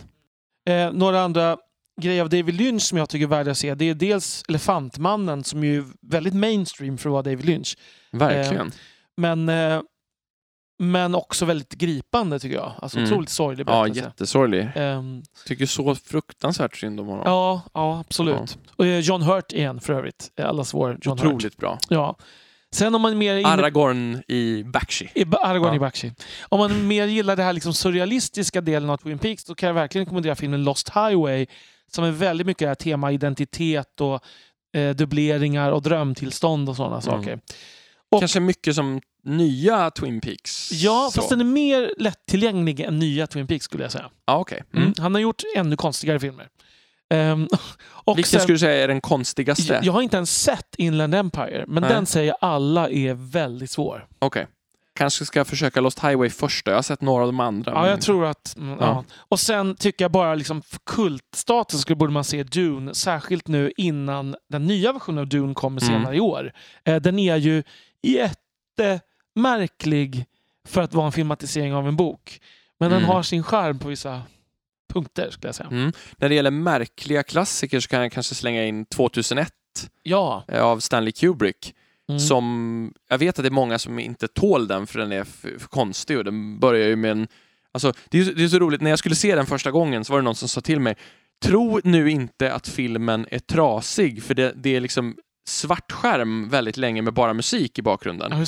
Ja. Och, men Ja. det var svart skärm med, så, med musik så länge i bakgrunden att jag trodde att trots att jag hade fått den här varningen så måste ju min film ändå vara Ja, trasig. ja, ja, så precis. länge. Och sen är ju slutet helt galet. Alltså, jag minns inte ens slutet. Nej, men du måste se om den Daniel. det måste jag utifrån din Twin Peaks-fascination. Det är ja. jättemycket av den typen av så mystiska, hur ska man tolka det här? Mm. Jättebra tycker jag. Jag gillar ju Stanley Kubrick, det är en av mina favoritregissörer skulle jag säga. Mm. Tillsammans kanske med Kurosawa, Bergman och eh, Christopher Nolan. Alltså du, det är så mycket finkultur över det här Adam.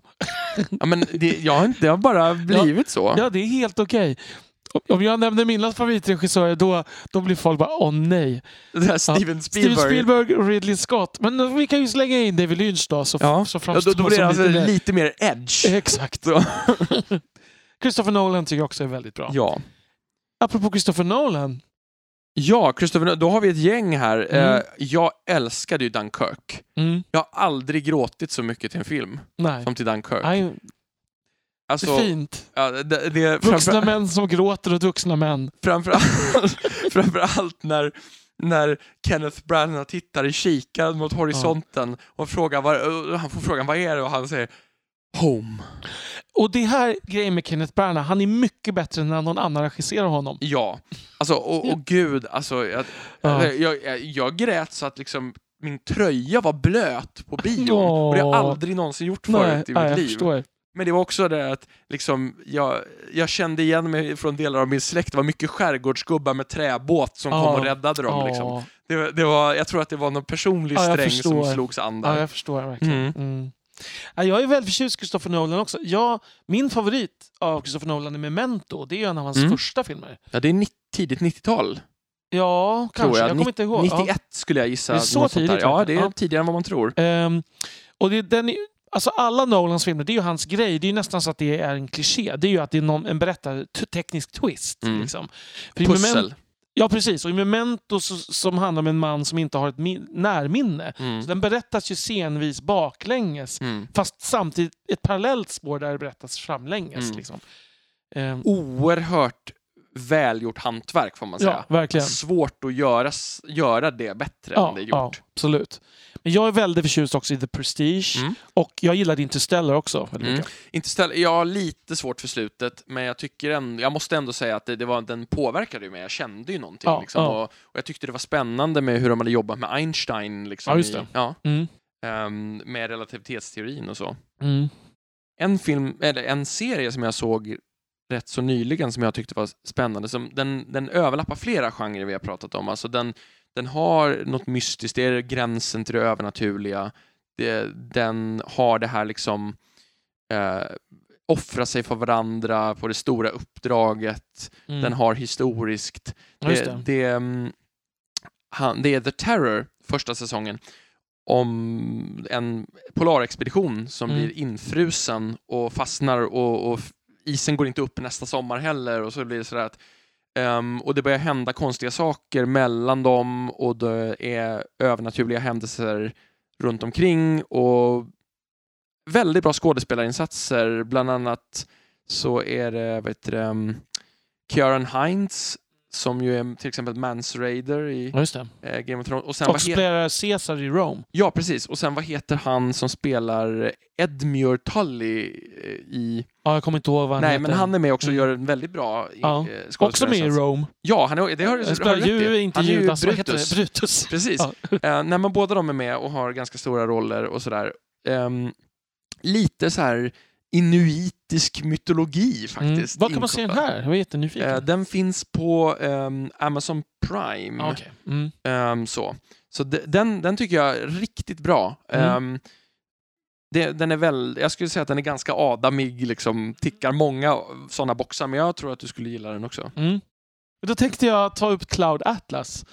Som Den såg ju lyckades jag över- nyligen på din inrådan. Ja, jag lyckades övertyga dig Mm. om att se den. Jag tycker det var ganska bra. Alltså, sjua sådär av tio kanske, Mm. någonting sånt. Um, ovarierande. En del grejer var mer engagerande och vissa skådespelarinsatser var mycket bättre än andra. Ja, absolut. Jag hade väldigt svårt för det här med mm, när man sminkar folk till en annan etnicitet Ja. än de egentligen har, vilket det känns lite... Det är lite unket. Jag kan säga att re, men jag såg den på bio första gången och jag var så här efteråt, vad, är, vad var det jag såg? Lite. Ja. För att den är som sex olika berättelser i ett. Som Mm. är väldigt löst kopplade och är som olika genrer kan man säga, ju Mm. allihopa. Um, där de Ja, utspelar sig liksom i olika tidsåldrar. Ja, Det är nästan omöjligt, vad ska man säga att det är för genre? Alltså det är någon, på något plan är det ju sci-fi, men Ja. det är väldigt annorlunda än sci-fi Ja. brukar vara. Ja, och det här med sminkningar, det är ju liksom att de använder ju samma skådisar i olika Mm. roller. Så kan Precis. man säga. Ja, mm, men då hade jag tyckt kanske att man hade kunnat blanda etniciteterna Ja. från början lite, Lite mer. mer, precis. För det är ju en tonvikt på vita och afroamerikaner. Så kan man väl säga. Och då när man, ska ha, när man ska ha delar som utspelar sig i helt asiatiska kontexter så Ja. blir det ganska svårt. Det håller jag med om. Något som ligger, alltså som egentligen inte alls är liksom sci-fi men som använder sig av det här med tidsresor som vi ändå har touchat vid några gånger. Mm. Det är en väldigt gullig brittisk, eller jag tror att den är brittisk i alla fall för alla skådespelare är brittiska, men eh, kärleksfilm som heter About Time som Mm. handlar om en man som kan resa i tiden. Har aldrig hört talas om tror jag. ens. Alltså alla, många av dina favoritskådespelare är med i den här filmen. Berätta! Ja, Ehm, vill du har. Bill Nye som, Uff. som huvudpersonens Ja, pappa. ja. Du har, jag nästan säker på att det är Emma Thompson som spelar hans mamma. Mm. Alltså så här, och, och den, den, är liksom, den börjar väldigt gulligt det här med att han träffar en tjej som han tycker om och varje gång han liksom gör bort sig lite eller något inte blir som han har tänkt sig så åker han tillbaka 20 minuter i tiden Mm. och säger någonting annorlunda. Ja, liksom, för att han, Mm. och, och, men sen så blir det liksom, den rör lite allvarligare teman sen och, och hur man ska se på det här. Och, ehm, ja, fint om livsfrågor, lite sorgligt och lite, men upplyftande och roligt och ja, vackert överlag. Liksom trevlig film, Ja. verkligen. Ja, jag blir, det är jag nyfiken på. Mm. Alltså det här är um, också en av min flickväns favoritfilmer. Mm. Så att så jag har blivit introducerad så. Kärleksfilmernas kärleksfilm för mig. Jag, jag, några kommer säkert skriva hatmail till mig nu. Men jag måste säga Love actually. Så för mig är den ultimata romantiska komedin. Jag tycker den är ganska rolig faktiskt. Eh, och jag tycker Ja. den är fantastiskt rolig på vissa ställen. Men jag tycker också den är så fruktansvärt sorglig. ja. Alltså det här i, i, det, i någon slags vardaglighet. Alltså typ Mm. Alan Rickman som typ inleder en affär fast han gör inte riktigt det och hans fru som blir sviken och tror Mm. hon ska få en julklapp och så Ja. är det inte hon som Det är ju får den den. bästa historien Ja, av dem är allihopa. Den Ja. är ju mest gripande. Verkligen. Eh, men det är det jag gillar. Jag tror jag gillar den här liksom lilla kärnan av sorg som Mm. ofta finns. Liksom, det är något lite brittiskt över Ja. Ändå. Har du sett den här Before-trilogin av Richard Linklater? Mm, Nej. Eh, before Sunrise, Before Sunset och nej. Before Midnight. Mm, nej, inte sett. Eh, jag tycker att den första filmen är troligen min favoritromantikfilm jag någonsin har sett. Kom på 90-talet. Och, och det, det här är, det är Ethan Hawke och Julie Delpy Ja. som möts liksom en natt.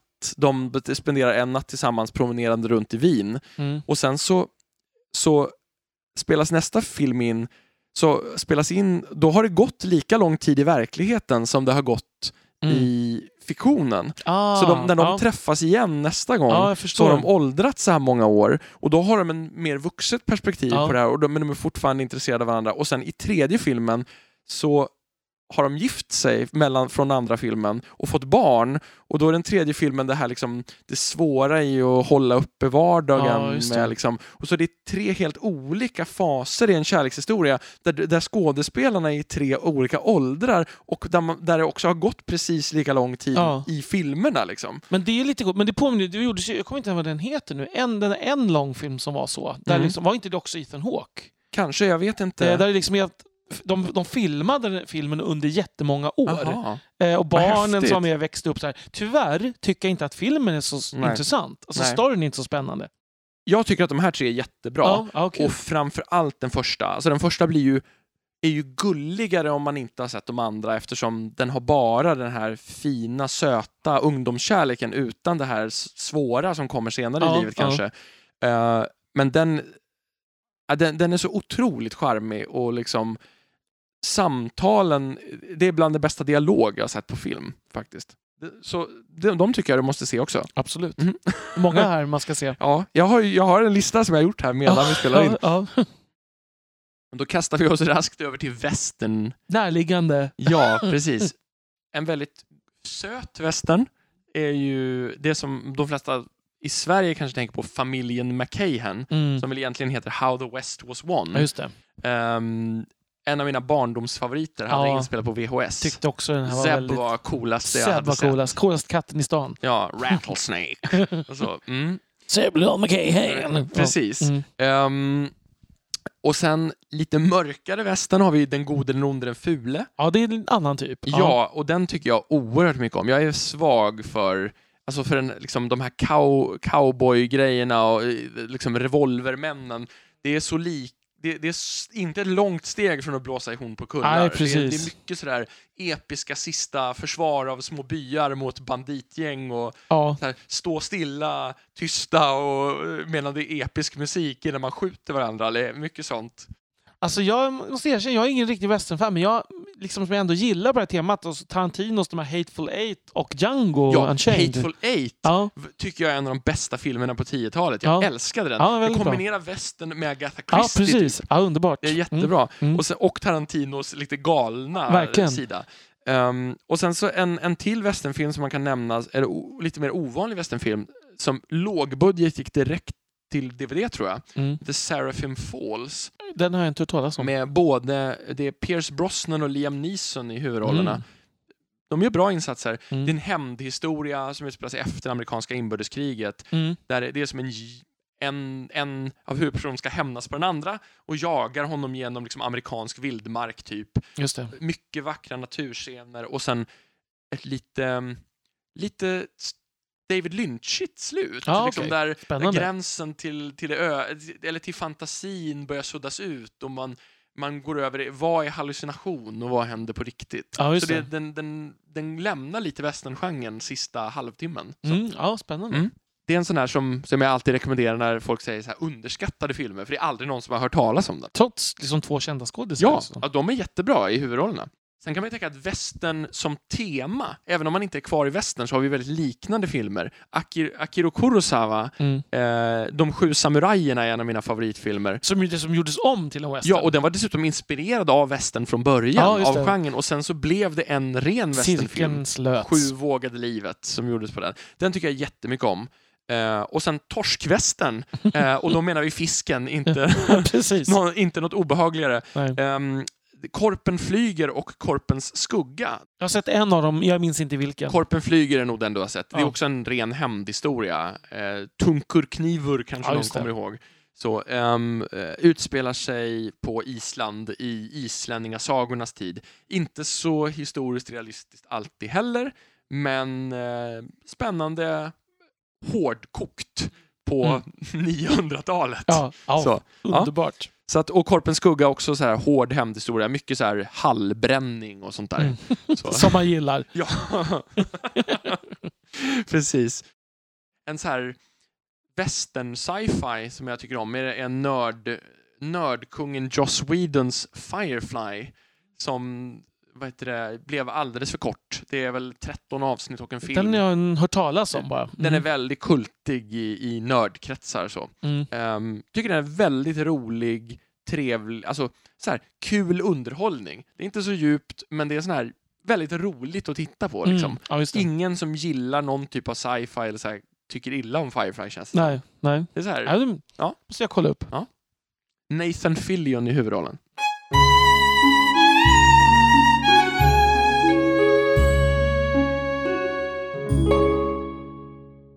Ja, som sagt, eh, mina creddiga favoritregissörer som till exempel då Ridley Scott. Men han var ju ändå hyfsat creddig. Jag vet inte hur creddig han är idag, men Ja, nej men det är absolut. Jag tycker inte, det är ju inte liksom bottenskrap Nej, precis. det, det som någon eh, bekant som var här eh, sa till mig och tittade i min filmhylla en gång sa det är som kvalitetsblockbusters. Typ. Ja, mm. Ehm, och det, men det är Ridley Scott tycker jag är ett nötskal. Man kanske skulle kalla det för middlebrow-filmer också. ja, exakt. ja. inte highbrow och inte lowbrow. Nej, men- nej, precis. Nej, det är inte Mm. B-filmer. Det, nej, nej, Det det, är det är hög, välgjorda, men inte jättesvårtuggade Nej, filmer precis, kanske precis. Mm. även om eh, en film som Blade Runner ju har analyserats i Ja, hundratals olika den versioner. behöver jag se om, men det var för länge sedan. Ja, där är ju återigen, jag nämnde ju förut, Ridley Scott, det visuella, det är, det är ju den coolaste visuell filmen tror jag någonsin av alla. Så måste Mm. jag nog säga. Det är ju halva filmen, skulle jag Mm. nästan säga, är ju hur den ser ut. Rutger Hauer där. Ja, och även då Alien som ju kom lite innan. Mm.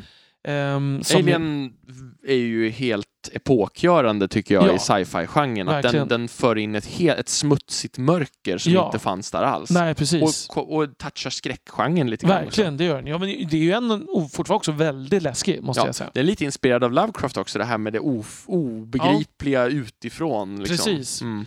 Och eh, en eh, Ridley Scott är bra på kvinnliga hjältar. Mm. Eh, det, alltså Alien och även i Thelma och Louise. Men det är ju faktiskt bil- filmer där det, där det inte alls känns som att man liksom har försökt tvinga in någon, någon roll för att liksom för att göra någon sorts poäng som inte fungerar, utan det, det är jättebra. Det är bara helt naturligt. Ja. liksom. Mm. Jättebra karaktärer. Mm. Ja, och sen ska vi kanske bara nämna Gladiator lite snabbt. Mm. Inte heller superhistorisk ut, utifrån den, men bra och Bra. spännande och kvalitet och Och liksom gripande på något sätt också tycker Ja. jag. Det är ju som Odysseen egentligen. Ja. En man som varit ute i krig och som Mm. längtar hem till sin fru. Liksom. mm, absolut. Och jag tycker att den också är visuellt fin. Ja, ska vi hoppa vidare till allas vår Steven Spielberg då? Mm. Allas min kanske jag ska Ja, säga. precis. Det, eh, Här är ju jag mindre på tåget. Ja, det får man ju säga. Mm. Ehm, alltså dels har vi ju de här som äldre, jag, alltså närkontakt av tredje graden tycker jag är en av de bästa science fiction-filmer Mm. som har gjorts. Helt okej.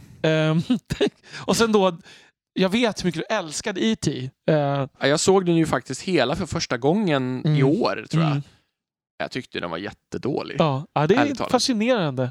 Alltså, jag tyckte det var alltså, en dålig barnfilm till och med. Ja, ja. Och att man inte lärde känna karaktärerna och så. Ja, jag vet Mm. inte. Det, det Ja, men det, Ja. eh, men jag skulle vilja lyfta några av hans lite mindre kända faktiskt. Mm. Eh, dels eh, Amistad som handlar om den tycker jag slavskeppet. mycket om Ja, däremot mm. faktiskt. Den gillar jag. Eh, just det här slavskeppet som, Mm. som eh, går i land och så blir det en rättstvist om de här... Morgan Freeman som försvarsadvokat, eller hur? Som Eh, försvarar dem. han är med. Ja, Anthony Hopkins, Matthew Mm. McConaughey, Stellan Skarsgård är med. Jimon Honsu som spelar ledaren för slav, Ja. slavmyteriet.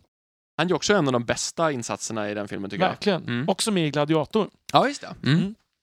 Eh, och sen tycker jag, eh, de senare år, eh, de senaste 15 kanske, jag gillade Minority Report väldigt Ja, mycket. också å- helt okej, tycker ja, jag. Ja, Mm. jag gillar det här, apropå sci-fi. Och sen det här märkliga Kubrick-Spielberg-samarbetet Artificial Intelligence. Den har inte jag sett. Jag är inte säker på att du kommer nog inte gilla den, det skulle jag tro. Nej. Men den är en konstig blandning. Det är ju som... Det är en Pinocchio-historia men med en liten robotpojke i huvudrollen kan man nästan säga. Mm. Jude Law är i den, eller Ja, exakt. Ja, mm. ja men eh, när, vi, när du ändå nämner Kubrick så kan man ju också plocka upp alltså det här med lite speciella filmer. Det här är på gränsen till lite sci-fi. Doctor Strangelove. Det är en av mina favoritfilmer. Det är ju Mm. liksom kalla kriget satir kan man Mm. säga. Men det utspelas ju liksom i någon sorts parallell verklighet det som händer. Peter Sellers i tre roller. Mm. Ehm, En riktig klassiker. Ja, men inte Mm. kanske allas kopp te ändå. Det, det Nej, alltså jag är inte särskilt förtjust i Stanley Kubrick ska jag Nej. säga. Det, nej, jag, för, jag det, det är min Spielberg, eller vad ska jag säga? Ja, min, ja, jag förstår. Ja. Nej, men jag tycker att ehm, jag tycker att den är väldigt häftig på något sätt. Det, jag vet inte varför riktigt.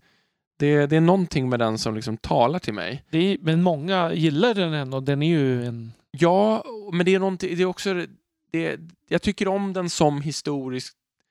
Alltså som en kommentar på kalla kriget Ja, och, och terrorbalansen på något sätt. Och det här liksom Gentlemen, you can't fight in the war room och sånt där. Alltså det, det är mycket sådär hur absurt Men allt blev. Liksom det, jag skulle nog säga att det är, av de jag har sett, en av de absolut bästa Kubrick-filmerna tycker Ja. jag också. Det är Mm. mm. just den här mörka humorn. Liksom. Mm. En annan jag bara kan kasta in där som jag gillar av Stanley Kubrick är Barry Lyndon. Mm. Den har jag inte sett. Nej, Nej. historisk film. Ehm, kanske inte någon av de stora favoriterna, men det finns vissa scener som är geniala. Alltså en, en av mina favoritgenrer generellt, eh, där jag kanske inte har konkreta favoritfilmer, men det är de här lite så här politiska, gärna med lite journalistiska inslag, thrillers. Där till exempel Alla presidentens män med Robert Redford och Dustin Hoffman som handlar om Watergate-skandalen. Mm. JFK, eh, Argo, eh, Mm. Spotlight. Eh, det finns även bra tv några brittiska serier som liksom State of Play som, som inte är verklighetsbaserad men som är Mm. väldigt, väldigt spännande. Jag, jag gillar liksom det här grävande och, Mm. och liksom konspirationen och det där. Något som, näst, som, som, som liksom stämningsmässigt ligger ganska nära det är ju såna här eh, spion, lite mer torra Ja, spioнгrejer ja, som Tinker Tailor Soldier Ja, Spy. absolut, sådär. absolut. Mm, som jag också kan gilla. ja, det är bra. Mm. Men där, där man verkligen måste hänga med i handlingen Ja, verkligen. för att fatta vad som händer. Ja. En annan klassiker som, som jag gillar väldigt mycket det är 12 Angry Men. Mm, den, den, Så- jag håller med, den är väldigt som bra. i princip helt och hållet utspelar sig i ett rum. Med Mm. de här eh, 12 personerna i en jury. Alltså, är det en pjäs från början eller är det bara, känns det bara så? jag vet faktiskt Den inte. skulle ju funka otroligt bra ja, på scenen. alltså det, absolut. Det krävs ju ingen rekvisita nästan. Nej. Ehm, det är alltså 12 personer i en jury som ska avgöra om någon är skyldig och det är en, 11 stycken tycker att han är skyldig i början av filmen och Mm. en sätter emot. Och sen så handlar det om hur de diskuterar det här helt Mm, enkelt. mm. Det låter kanske inte så dynamiskt som det är, men det är verkligen Gud vad välskriven den är. Det är ju som en manusfilm. Ja. Ehm, Ja, jag tycker Mm. manusförfattare generellt får för lite cred Absolut. jämfört med regissörer. Det är jättesvårt att skriva bra ja, manus. det är det. Och många gånger när man klagar på skådespelaren tror jag egentligen att det är manuset Ja. det är fel på. Absolut. Så Och många gånger vice versa också. ja, precis. Mm. Att det är genial dialog. Liksom. Mm. Någon sorts avslutning här, en, bland det sista på min lista här, är Det sjunde inseglet. Och det här är en film som har parodierats väldigt mycket. Men där jag ska erkänna, apropå det här pretentiösa som vi har anklagats för tidigare med finkultur. Det här är min favoritfilm. Mm. Det är okej. Jag har nog sett Sjunde inseglet fem gånger tror jag. Jag har bara sett den en gång, men jag tyckte att de var väldigt bra. Jag tycker att den kombinerar eh, existentiella frågor Mm. med medeltiden, alltså så här, ehm, alltså diskussion kring religion förstås då, ehm, och sen mörk humor som jag tycker är väldigt rolig faktiskt. Mycket bra reflektioner kring, kring allmänmänskliga teman. Mm. Och sen så tycker jag att den är väldigt häftig visuellt och sen har den ett gäng väldigt bra skådespelarinsatser. Ehm, Max von Sydow och Gunnar Björnstrand kanske framför allt. Jag minns att jag tyckte Nils Poppe var väldigt bra. Ja. Nils Poppe är också väldigt bra i den, det är sant. Man tycker oerhört synd om Nils Poppe, tycker jag, i Verkligen. den här filmen. Nej, men alltså, och, och där är det, om man kan ta sig igenom det här att folk driver så mycket med Jag är döden, Mm. så finns det en... För det är en ganska tidig scen va? Ja, det är ju första scenen Ja, nästan. ja, precis. Ehm, det går ganska fort om man tar sig förbi den. Jo, men, men jag tänker att alltså, det, det, det finns så många kvaliteter i den här filmen. Och många tror jag avfärdar den för att de tycker att den är lite pretentiös och lite tillgjord och lite Mm. liksom, att den försöker vara lite viktig och att, den, att de pratar lite gammaldags för det är 50-talet. Mm. Men Men det är ju inte Bergmans på något sätt svåraste film heller. nej, nej, nej. Ehm, alltså jag har sett Persona, den är ju knepig. Ja. ja. Eh, nej men det, alltså här är det, det är mycket mer jag tänker ändå att det är teman som de, många människor har tänkt på, som tas upp mm. i hela filmen. Ja.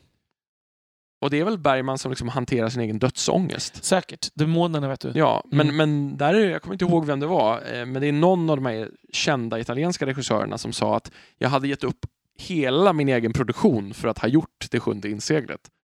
Jag undrar om det inte är den högst placerade svenska filmen på IMDBs topplista. Ehm, Borde det kunna dessutom är det den enda svenska filmen som är med i min sån här 500 must see movies-bok. vara. Som är ju från ett amerikanskt perspektiv. Ja, just det. Mm. Precis.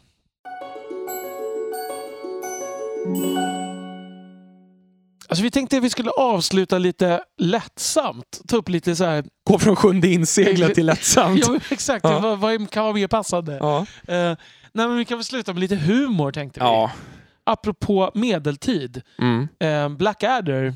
ja. Och eh, det, det som jag gillar med Blackadder, bortsett från att det är roligt. Jag vet, nu var det länge sedan jag såg den ska jag erkänna. Det är det här att man, man lär sig ganska mycket om de olika historiska epokerna. Mm. I- Och det är mycket samhällskritik. Ja, det är det faktiskt. verkligen. Och det är välskrivet och väldigt pratigt på ett ganska roligt sätt. Så första säsongen är ju 1400-tal, andra är ju 1500-tal, tredje 1700-tal och fjärde är ju första världskriget. Jag tror jag har sett mest av den. Den tycker jag är bäst. Ja, och den är ju väldigt mörk mitt i sin humor. Alltså, Verkligen. man får någon känsla för hur fruktansvärt första Ja. världskriget genom den här humorlinsen. Ja, och det här desperationen de känner och som de döljer genom någon slags stiff upper lip och Mm. hela det där. Och det, jag, tänk, jag tänker spoila slutet i den. Det är en komediserie så ni Mm. får spola fram här en minut annars. Mm. När det slutar med att alla av dem går över liksom ut ur skyttegravarna och anfaller tyskarna med sina små käppar och pistoler. Liksom. Mm. Och så möts de av bomber och maskingevär. Kulspruteeld liksom. Mm. Eh, och det är fruktansvärt mörkt slut Ja. på en komediserie. ja, och så verkligen. slutar med så här ett fält med vallmoblommor som liksom... Mm. som- ehm, så, Jag, har- jag har läst faktiskt kommentarer på Youtube när folk har blivit visade den här av sina historielärare Ja. och varit helt förkrossade på ja, slutet. Men det är också att den förklarar liksom en, ganska mycket av första världskrigets... Liksom, Absurditet. Ja, ja. Mm.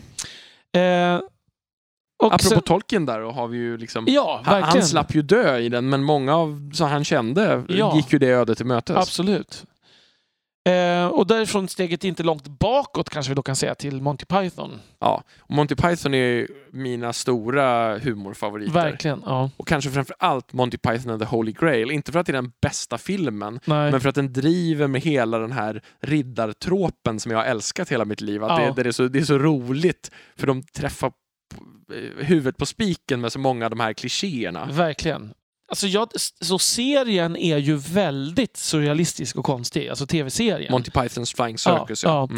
Mm. Eh, men, och sen kan man säga att Life of Brian är väl den mest liksom, helgjutna filmen. Ja. Alltså den, Den håller ihop klart ja, bäst. precis. Också väldigt rolig, fast då är det ju religiös satir Mm. snarare. Så. Och den är också, kan jag tycka, alltså den, den är väldigt intellektuell. Alltså Ja. att det är mycket så här som man, som, det är många nivåer som man behöver ha läst en del teo, alltså, religion eller teologi för att förstå vad skämten handlar om faktiskt. Och på något sätt raka motsatsen på ett sätt, fast liksom är ju Fawlty Towers, Mm. John Cleese, som ju är den roligaste farsen som Ja. har gjorts liksom, i hela historien. ska jag säga. Det är låg konkurrens där. Ja, ja det är det. Men, det, Men den här är den ju bra på riktigt. för den är så briljant spelad och Ja. skriven och alltså Mm. allting sitter som en smäck. Ja. Liksom. Och så eh, pass kort att den liksom... Ja. ja. Att den håller. Men jag skulle också vilja nämna här Michael Palins resereportage. Alltså han har gjort en lång rad eh, Ah. där han åker runt i olika delar av världen. Idag kanske allt inte funkar för att det finns ett lite kolonialistiskt öga i det här. Jaha. För det är ju först, första säsongen från 80-talet tror jag. Mm. Ehm, men, det, men det är någonting med han, hans otroliga, vad ska man säga, han är så fruktansvärt löjligt sympatisk. Ja. Och åker runt liksom och som, möter människor egentligen. ja, han är ju helt klart den mest charmiga vid första anblicken av Ja. Python-medlemmarna. Ja, Så. verkligen. Och sen så fick jag lite dåligt samvete här för, för att jag inte hade med någonting svenskt. Då slänger jag in Macken. Mm. Tv-serien med, med galenskapen. Då har man kommit långt från Det, Tolkien. är- det, det är nästan lika långt från som The Wire. Som då, ja, precis, Ja. fast åt ett annat håll. Ja, åt ett annat. Men det, men det är inte jättelångt från Monty, Python. Skulle nej, jag säga. nej, precis. Att det är just det här, alla dessa roller de spelar. Och så. Mm. Ehm, det tycker jag är den roligaste svenska tv-serien som har gjorts.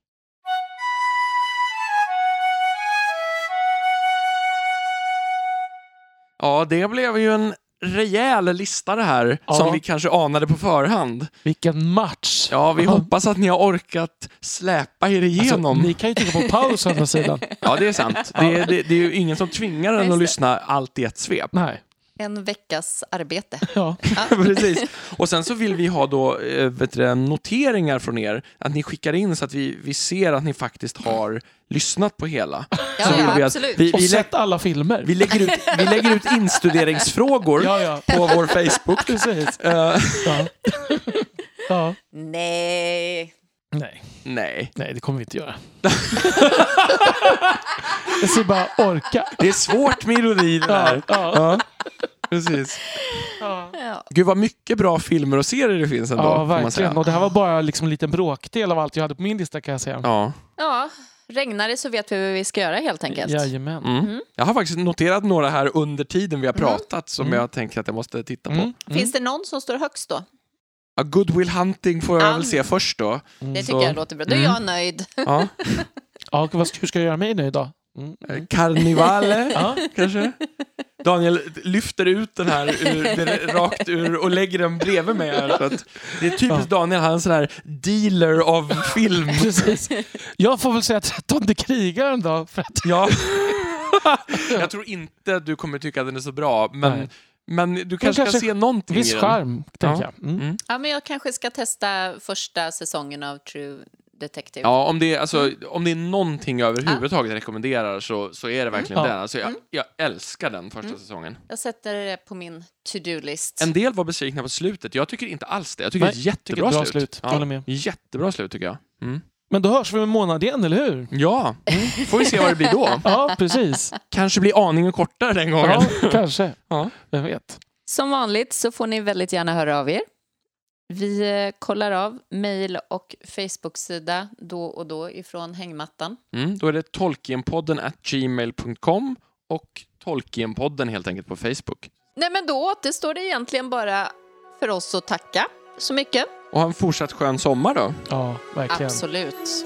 Tack så mycket och hej då. Hej då! Hej, hej!